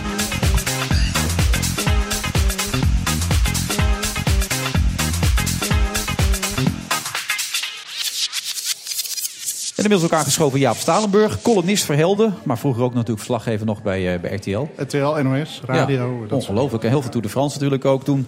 TVM. Hoe lang heb je dat gedaan eigenlijk? Ik heb TVM eh, heb ik een eh, jaar of veertien gedaan. En dat combineer ik nu voor een heel groot deel weer terug in de journalistiek. Back to the roots. Mooi man. Ja. Dan gaan we gelijk even over de Tour beginnen trouwens. Ja, toch, Jaap? ik, ik zag net, wie, Cummings had hem gewonnen. Ja, Steve Cummings. Ja, we kunnen wat betreft de Tour is niet veel anders dan het EK voetbal op dit moment. Het is dodelijk saai. Maar wat ik dan weer leuk vind, want ik wil altijd de leuke dingen zien. Dat die Zuid-Afrikaanse ploeg, dat Dimension Data, de ploeg van Cavendish, dat die inmiddels op vier etappe-overwinningen staan. En Ja. dat de grote ploegen vooral bezig zijn met het bekijken van elkaar. Tactische slimmigheidjes die niet werken. Ja, dat vind ik leuk. En dan weer een klein dingetje vandaag. Dus dat eh 16 en een hele zware etappe over- de Aspen. Dat dan Stef Clement, misschien wel de kleurrijkste wielrenner van Nederland, dat hij 16e wordt. Kijk, dat soort details. Maar was het niet spectaculair vandaag? Want er werd Nee, veel van verwacht. Er werd heel veel van verwacht. Maar wat je een beetje ziet, is dat de Tour eh, eigenlijk al een week in de greep is van, van controle. De grote ploeg Tinkoff Saxo is eigenlijk bezig met een soort herstelprogramma voor Alberto Contador. Ja, die is, die is geblesseerd. Die heeft dagen nodig voor de zware etappes volgende week. Je ziet dat Sky denkt van het is prima zo. Froome is sterk genoeg om Contador en ook Quintana straks te kloppen. Die controleren ook, hebben een hele sterke ploeg. En zo letten de groten op elkaar. Ja, en dan gaan de kleintjes er met overwinning vandoor. Ja, en dan wat ik dan wel... Ja, het zijn wel leuke dingen. Greg van Avermaat die gisteren eh, op indrukwekkende wijze de gele trui pakt. En ja, België weer even Polonaise laat lopen. Wat in België altijd weer voorbij is als het weer wat minder gaat. Maar goed, die Greg van Avermaat zat er vandaag heel goed bij. Die, zat, die zat, heeft de hele dag mee in de kopgroep gezeten. En heeft inmiddels in het klassement eh, ru- ruim zes minuten voorsprong. Zo. Met zijn gele trui. Dat is dan wel weer leuk. Ja, en de Nederlanders? Ja, dat zit allemaal ergens eh, rond eh, tussen de 10, wel aardig tussen de 10 en 25. De beste Nederlander is, dat is heel knap, Wout Poels. Die wordt achtste. Nou, Wout eh, rijdt mee, die is chef-controleur voor Vroom. Dat is de man die naast Vroom rijdt. Zorgt dat er onderweg geen gekke dingen gebeuren. Dus ja, dat zijn, dat zijn allemaal weer dat zijn aardige dingen. Maar ja, en door de bank genomen is het nu een hele saaie tour geweest... met Cavendish die er ver bovenuit stijgt. Hij heeft het vaker gedaan, hoor je dat, Siewert? Ja, Dat is een expert dit, hè? Die, die Ja. ratelt gewoon zo even door als we nu weggaan. Dan Wat vind jij van Cavendish? Praat hij nog een half uur verder, hoor. Eh, nou, de, de enige waar ik fan wel van ben is Sagan. Maar ik vind altijd na aan de Tour is dat het gewoon overdag is. Dan ben ik gewoon aan het werk. Dus ik volg het niet zo Wil je heel het erg. s'avonds laten rijden dan? In het Ja. donker van die bergen en zo. Nee, ja, niet. Maar daardoor volg ik het gewoon eh, eigenlijk amper. Maar je hebt ondertussen toch zit je wel stiekem even te spieken en zo? Ja, ik dat zat te spieken. Even te kijken of, of er wat leuks tussen zit. En dan kijk ik vaak een samenvatting terug. Maar, Maar eh, je- je het wel grijp- het mij nooit heel Het erg. grappige is dat Kevin is natuurlijk uit zijn contract liep vorig jaar. Toen een enorm goed betaalde eh, coureur was. Toen dachten ze, oh, het is voorbij hè? Ja, die Cavendish is natuurlijk een fenomeen op zich. En wat je dan heel sterk Zit hij nog ziet... 30, 31 Hij is geloof ik, hè? eh, inmiddels al dik in de 30. Nee, maar ik wil een aantal ritoverwinningen in de Tour. Hij staat eh, 31 twee- dacht ik toch? Ik dacht 32. Maar, maar, 32 dat, maar al, goed, dat zijn er dus heel veel. Ja. En wat je dan ziet is als je niet in een grote ploeg rijdt... en je valt buiten de controle van die teams op kan letten... je alle ruimte om, eh, om te rijden. Die Cummings, ja, dat is een jongen waar je doorgaans niet zo heel veel van hoort. Maar wel ieder jaar in de Tour-etappe een, een, een, een overwinning haalt. Ja. Ja, dat is leuk om te zien. Maar ja, eh, Eigenlijk zeg je, je kunt beter niet bij de eigenlijk, eigenlijk willen wij de duels zien tussen Froome en Contador en Quintana. En zeker als je in de eerste etappe in de Pyreneeën zit. Dat moet geen gecontroleerde etappe zijn. Nee, maar je zegt het al, het is een vergelijk met het Europees kampioenschap. Heb je gekeken, Stuart, of heb je hem helemaal voorbij laten gaan, dit EK? Nee, dat heb ik wel gekeken. Maar kijk voorbij de poolwedstrijden meestal. Dus, maar dit, dit jaar is het wel een beetje saai. Ik vond, ja, gisteren was het nog wel een leuke Kun wedstrijd. je één wedstrijd noemen die er echt voor jou uitgesprongen is? Nou, Frankrijk-IJsland vond ik tot nu toe wel de meest leuke wedstrijd eigenlijk. Het tragisch is dat je Frankrijk-IJsland moet noemen. Dat, toch, weet Ja. dat is toch hè, dat je denkt van, we hebben het over. Maar... Ja, maar het is natuurlijk het is gewoon best wel een raar EK. Ook als je kijkt naar ik bedoel, die penalty-serie Duitsland-Italië was ook vermakelijk. Maar aan de andere kant natuurlijk niet echt. Stel je voor dat dat in de Champions League zou gebeuren. Oh, is ook Dat wel eens zou gebeurd. Ja, dat is een maar aantal niet- jaar geleden niet gebeurd. met zoveel In- missers en in Moskou zoveel... volgens mij. Dat duurde ook even, toch? Tussen, tussen Chelsea 18 en penalties op Manchester. rij? Nee, zoveel niet. Nee, maar zo 12, 13. Ja, het waren er ook best Ja, veel toen, volgens mij. Met Van der Sar toen toch nog, die eh, uiteindelijk de beslissende Ja. pakte. Maar gisteren was het best wel een leuke pot, toch? Ja? Ja. Vond jij het leuk? Nou ja, ik vond het leuk om wat er omheen gebeurde. Eh, Alles, alle gekke dingen. Echt, die Duitsers waren natuurlijk gewoon veel beter. En als die dan een goede spits hebben, als Müller gewoon scherp in de spits, is niks aan de Ja, hand. als Gomez niet geblesseerd was Gomez niet geblesseerd. Dan heb je daar een... Maar ja, goed, je ziet nu, eh, je ziet nu dat... Ja, Maar toch hadden ze zich wel aangepast. Hè. Ze waren anders gaan voetballen de laatste twee wedstrijden. En toen ze op een gegeven moment weer achter stonden en aan de bak mochten... toen kans op kans voor die Duitsers. Ja, maar was- wat je, wat je dus gewoon ziet is dat, dat, dat het voetbal op dit moment wordt beheerst door een soort kramp en angst. Het lijkt het bedrijfsleven wel. Alles moet langs processen, protocollen, strategieën. Het wordt een soort strategisch spelletje. En dan zie je, dan vind ik het heel leuk. Dan geniet ik van Wales met Bale en, en, en tien andere enthousiaste spelers. Ja, daarom, daarom zijn die IJslanders in Nederland zo populair. Ja. Wij, zijn dat, wij zijn dat strategisch op hoog niveau spel en angst om te verliezen. Beginnen wij in Nederland een beetje zat te worden, denk ik. Ik, heb het, ik ben een enorme voetbalfreak.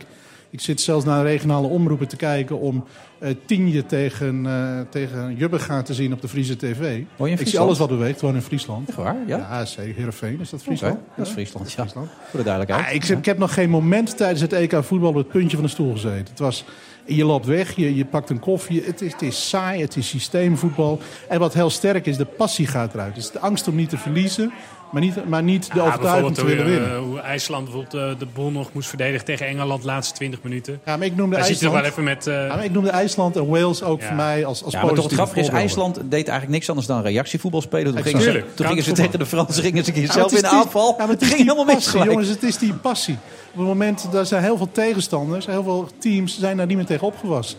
Daar komen ineens elf, elf mannen binnen die alleen maar willen winnen. Maar het is een beetje de politiek van deze tijd, wat jij ook schetst. Daarom heb je ook die G100, G500 opgestart. Dus Ja. er moet wat gebeuren. Er moet, moet weer een beetje frisheid in komen. Blijven dansen. Hè? Dat een is beetje, het idee. Een beetje liefde, ja. En, en dat vraag ik me ook wel af als je dan terugdenkt aan bijvoorbeeld een Johan Cruijff of zo. Die zou volgens mij ook helemaal niet meer passen tegenwoordig in dit voetbal. Die zou volgens mij helemaal niet... Die, Nou ja, ja. Ja, we hebben Kijk, als je naar Messi kijkt. Bale, Ronaldo, Messi.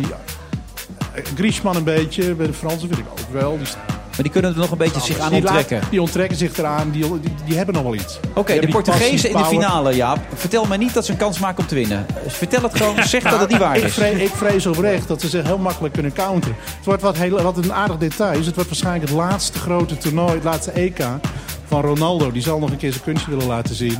Nou, ik weet niet of die, eh, of die Ik denk dat die idioot... Fransen helemaal ik weet niet of die idioot van een TT niet... eh, of hoe heet die, die, die, die ongelofelijke schopper? Peppe, sorry. Ja. Dat hij ongelooflijk tekeer gaat. Ik hoop eigenlijk... Nee, maar wat ook voor die Fransen heel leuk is...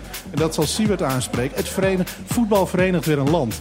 Na de terreuraanslagen in, in november in Parijs... de sociale onrust in Frankrijk... zie je dat Frankrijk op dit moment zijn trots weer terugkrijgt. En dat kan ook voetbal zijn. Maar denk je dat ze gaan choken dit weekend? Of denk je dat ze juist die, die, die flow nu te pakken hebben? Ik ben zo bang dat die, die Fransen onder druk van die finale enzovoort... dat ze daardoor en dat die Portugezen er met een Ja, maar miserige 1-0 ik, vandoor ja, maar gaan. ik zie iets anders bij die Fransen. Ik zie dat die trots die op dit moment door heel Frankrijk gaat... zich ook vertaald weer naar het voetbal. Die Fransen, die, die, daar, daar staat echt weer een team. Ze hebben jarenlang rellen gehad. Iedereen ruzie. Ruzie met de pers, ruzie met de bondscoach. Spelers die wegliepen. Maar er staat nu weer een eenheid. En ja, ik ben zelf vorige week bij de Tour. En als je met de Fransen op de terrasjes praat, je leest de kranten. Die zijn weer trots op een Frans elftal. En ik denk dat die flauw en die power Frankrijk uiteindelijk tot winnaar maakt. En volgens mij heeft Frankrijk toch op eindtoernooi in eigen land ook nooit verloren, toch? Nou, dat, en, en wat er verder bij komt, het spelend Stade de France. Daar, daar begon Ja. de keten van terreuraanslagen. Daar, die spelen, daar is misschien wel, het is heel cynisch, de eenheid ontstaan die op dit moment dat Franse elftal ziet. Ze hebben urenlang opgesloten gezeten in die kleedkamer. Daar is, daar is ook wat ontstaan. En ik vind de kracht van Frankrijk, dat het vaak geen eenheid uitstraalt. Maar er staat nu echt een heel mooi blauw team. Al dus Jaap Stalenburg, wat werd de laatste keer 10 Jubberga eigenlijk? Weet je dat nog of niet? Eh, 3-0. 3-0 hè? Dat had ik andersom kunnen zijn. Ja, ik weet het ook niet zeker meer. Nee. Bedankt eh, Jaap. Graag gedaan. We gaan nog even door zometeen voor de absolute slotfase van deze uitzending. Ja, we zitten alweer in de absolute slotfase van deze uitzending. Mag je ook één keer zeggen, de absolute slotfase, Siewert. Is het vakantie voor je? Eh, de- ja, ook dat, maar de, de absolute slotfase. Oké, nou we gaan een sprintje trekken. Oh, je hebt het niet door dat hij... Kun je het één keer zeggen, de absolute slotfase? Absolute Topfase. Ja, heel goed van je, ja. Want Jaap is nog even blijven hangen. Die zei, ik moet toch iets over Kruiswijk kwijt. Wat wil je kwijt over Nou, we, Kruiswijk? hebben, we, we hebben belangrijk leuk wielernieuws, voor Nederland althans. Is dat Steven Kruiswijk bijgetekend heeft. Tot en met 2018 bij de Lotto Jumbo-formatie. De man die bijna de Giro d'Italia gewonnen die had. bochtman. Die Jongens, bocht. jongens, jongens, Die zeg. geen helpers erachter, noem maar op. Nou, deze Steven Kruiswijk vind ik by far de beste Nederlandse ronderenner. En die heeft bijgetekend. En ik denk dat dat belangrijk nieuws is. Maar gaat hij, gaat hij hem wel een keer winnen, denk je? Nou, ik denk dat hij hem kan winnen. Maar kijk, en ik denk dat het sowieso een hele. Het interessant is hoe die deal is gemaakt. Hij is, dat is gedaan door eh, Van der Wallen, de, de eigenaar van Brand Loyalty. Ja? Een goede vriend van Steven. Die heeft met name de financiële constructie bedacht.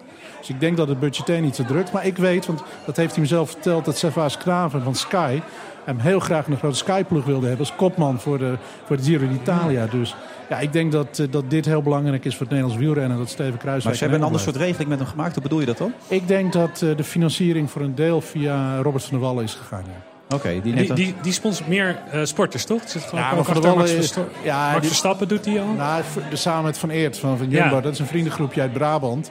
Maar die mannen vinden het ook gewoon leuk. En Van der Wallen vindt, denk ik, dat, dat Kruiswijk gewoon bij de Nederlandse ploeg moet blijven rijden. En niet eh, naar Sky of naar een andere grote ploeg. En, je, en je blijft denken dat ook de Giro voor hem het hoofddoel blijft. Nou, mijn zorg is alleen, en daar zou Kruiswijk vooral zelf antwoord op moeten geven...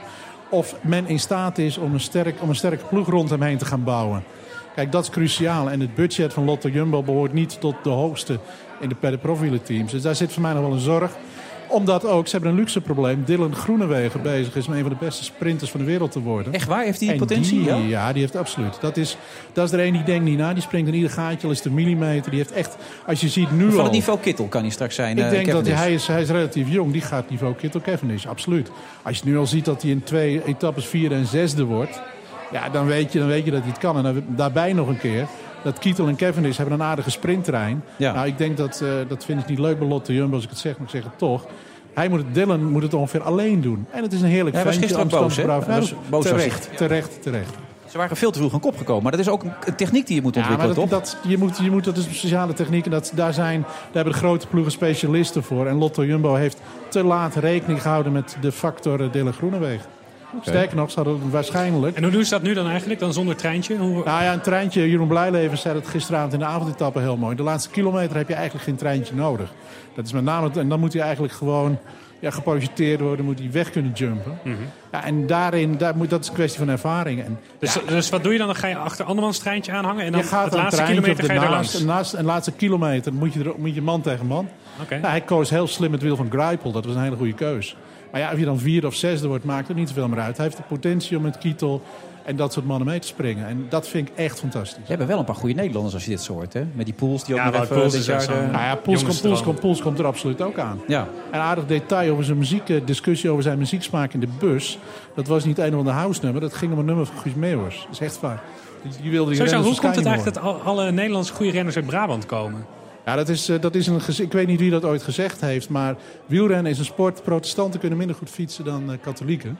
En Brabant en Limburg zijn natuurlijk bij uitstek wielerprovincie. Daarbij heeft Limburg dan weer de handicap, vinden de wielerinsiders. Dat renners uit Limburg vaak de mentaliteit eh, wat ingewikkeld Ja, is. Bouke komt gewoon uit Maar Groningen. hè? Brabanders. Bouke. Ja, maar Bouke is gewoon halve Belg eh, geworden inmiddels. Ja? Die is door Brabant geadopteerd. Die is door Vlaanderen geadopteerd. En Nou, ja, Volgens mij, Jaap, je bent op dreef. Je moet weer meer de media ingaan. eh, naast het feit Ja, dat je nee, gewoon columnist bent enzovoort. ik dat blijf, blijf, blijf het gewoon doen. Gewoon weer radio en tv. Maar goed dat je er was trouwens. Graag gedaan, Maar bij Siewert, eh, want Siewert, we hebben jou natuurlijk een beetje geprobeerd te portretteren. Maar de man die dat als beste kan, is natuurlijk onze eigen DJ. Die heeft weer een prachtige soundbeat gemaakt. Let op. Goedemiddag Lowlands. En dan is dit wel denk ik het dichtste dat ik bij een hemel kan komen. Als je maar lang genoeg eh, eh, eh, gewoon niet weinig slaapt en je, je hebt veel focus en een beetje lef, dan kun je wat. En jongeren in Nederland hebben veel meer talent en dat moeten ze zien te benutten. Verkiezingen zijn grijs, zijn saai, zijn verkeerd. Maar vooral waarom? Want waar ga je eigenlijk op stemmen deze verkiezingen? Ik denk dat eh, Wilders wel ook aan het begin vanavond de kern raakte. Door eigenlijk te zeggen dat. ehm, kijk, er is een politiek probleem. Er zijn ministers opgestapt. Maar er is ook een probleem bij de kiezer. Eh, een mooi voorbeeld vond ik. eh, nou, op mijn blaadje staat iets anders dan in het antwoordmodel. Ja, dan is het fout. Eh, Sorry. Dan zie je eigenlijk dat er een democratische vervaging aan het ontstaan is. Dat het verschil tussen oppositie en coalitie wordt vager.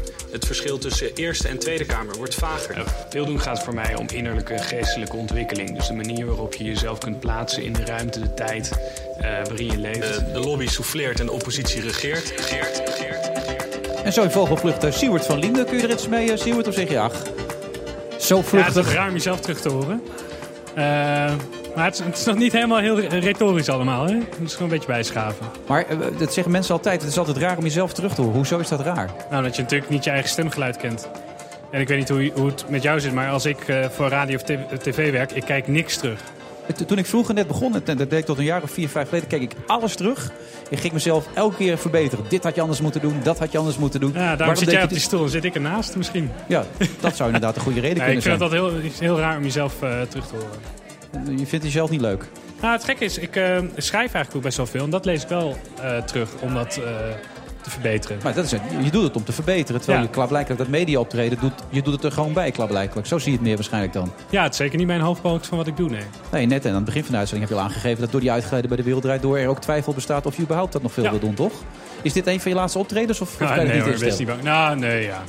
Voorlopig niet. Maar het ligt ook aan je werkgever. Ik heb nu al wel een paar keer al wel gehad dat mensen voor wie je werkt... dan willen dat je bijvoorbeeld je niet meer uit in de media. Dus dat zou ook nog zomaar eens kunnen.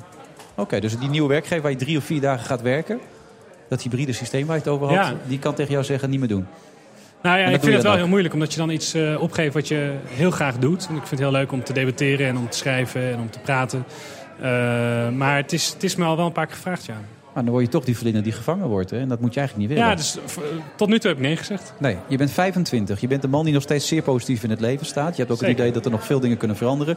Dan word je straks ook vader. Wat wil je dat kindje absoluut meegeven? Oef, ja, zo zwaar filosofisch zit ik er nog niet in. Ik ben eerder nog gewoon aan het wennen dat het komt. Ehm, ik maar weet, ik weet niet nog- of het me heel erg eh, verandert in hoe ik in het leven sta eigenlijk. Nee, Dat omdat je heel positief bent natuurlijk. Maar voel je al hier en daar dat er, dat er scheurtjes komen in dat idealisme, in dat gevoel van dat je de wereld kan verbeteren, veranderen en misschien ook nog iets mooier kan maken? Ja, maar niet ehm, door dingen uit mijn privéleven. Ik denk dat wat mij, mijn wereldbeeld wel afgelopen jaar redelijk op zijn kop heeft gezet... is sinds eigenlijk de aanslagen op Charlie Hebdo. Dat heeft voor mij wel ehm, iets blootgelegd eigenlijk. Dat eh, puur en alleen vooruitgang, dus dat, dat de wereld eigenlijk maar in één richting kan veranderen... dat dat niet klopt en dat eh, er een strijd is waarbij we soms achteruit gaan, soms vooruit. En je moet aan de goede kant van, van het speelveld proberen een beetje mee te trekken, mee te duwen. Eh, maar het heeft wel een klap voor mijn wereldbeeld veroorzaakt waarin ik alleen maar optimistisch kan zijn. En zoals vannacht in Dallas, dat politieagenten worden doodgeschoten omdat er eerder deze week en al zo vaak in Amerika... Ja, dat past in datzelfde wereldbeeld. Hè? Dus dat je ziet dat geweld zo langzamerhand weer in het politieke debat eh, terugkeert. We weten nog niet precies de motieven. Ehm, maar ja, al die aanslagen die we nu zien in de westerse wereld... die zijn natuurlijk wel do- door een rode lijn verbonden. En eh, dat is conflict dat terugkeert in, eh, in de maatschappij. En dat, dat vind ik wel pijnlijk. Maar tegelijkertijd, we weten nog, althans zover voor deze uitzending... zover ik weet, Nee, vermoeden weet nog steeds niet dat het, eh, of het een eenling is geweest of een gecoördineerde actie. Dat weten we, geloof Nee, dat is waar. Maar de motieven lijken wel heel duidelijk. En dat is waar het om Ja, draait, denk ik heel uiteindelijk. zorgelijk, ja. Eh, desalniettemin, 25 jaar oud, de toekomst lag je toe. Jij gaat de wereld een klein beetje beter maken, toch, Siewert? Zullen we dat afspreken? Ik ga mijn best doen. Ja, daar wens ik je heel veel succes mee. Dankjewel. En ook met al het geluk wat er op je pad komt. Top.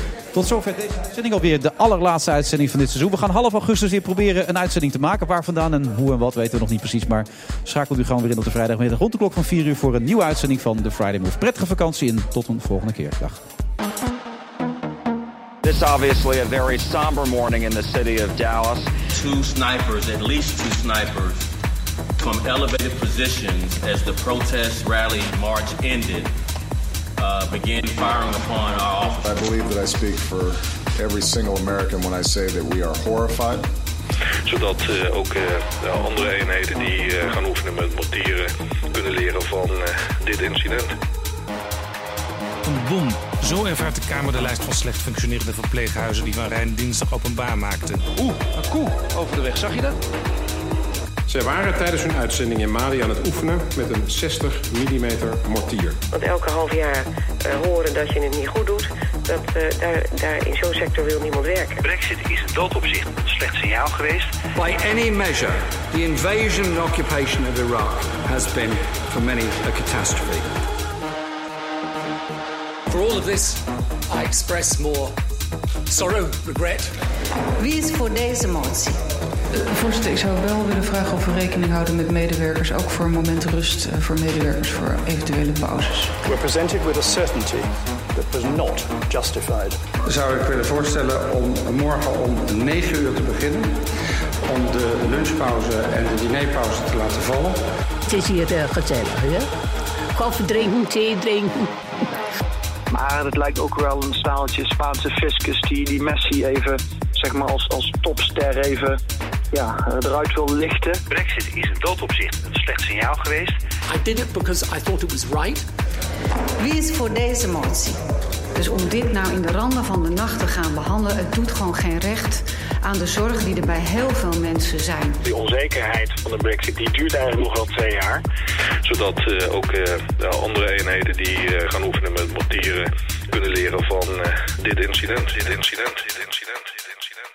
The Friday Move wordt mede mogelijk gemaakt door Arend. Inrichters, we denken graag met u mee. 65% van de CEO's optimaliseert hun energieverbruik. Maar er is nog veel te winnen op weg naar net zero. Meer weten? Ga naar pwc.nl slash netzero.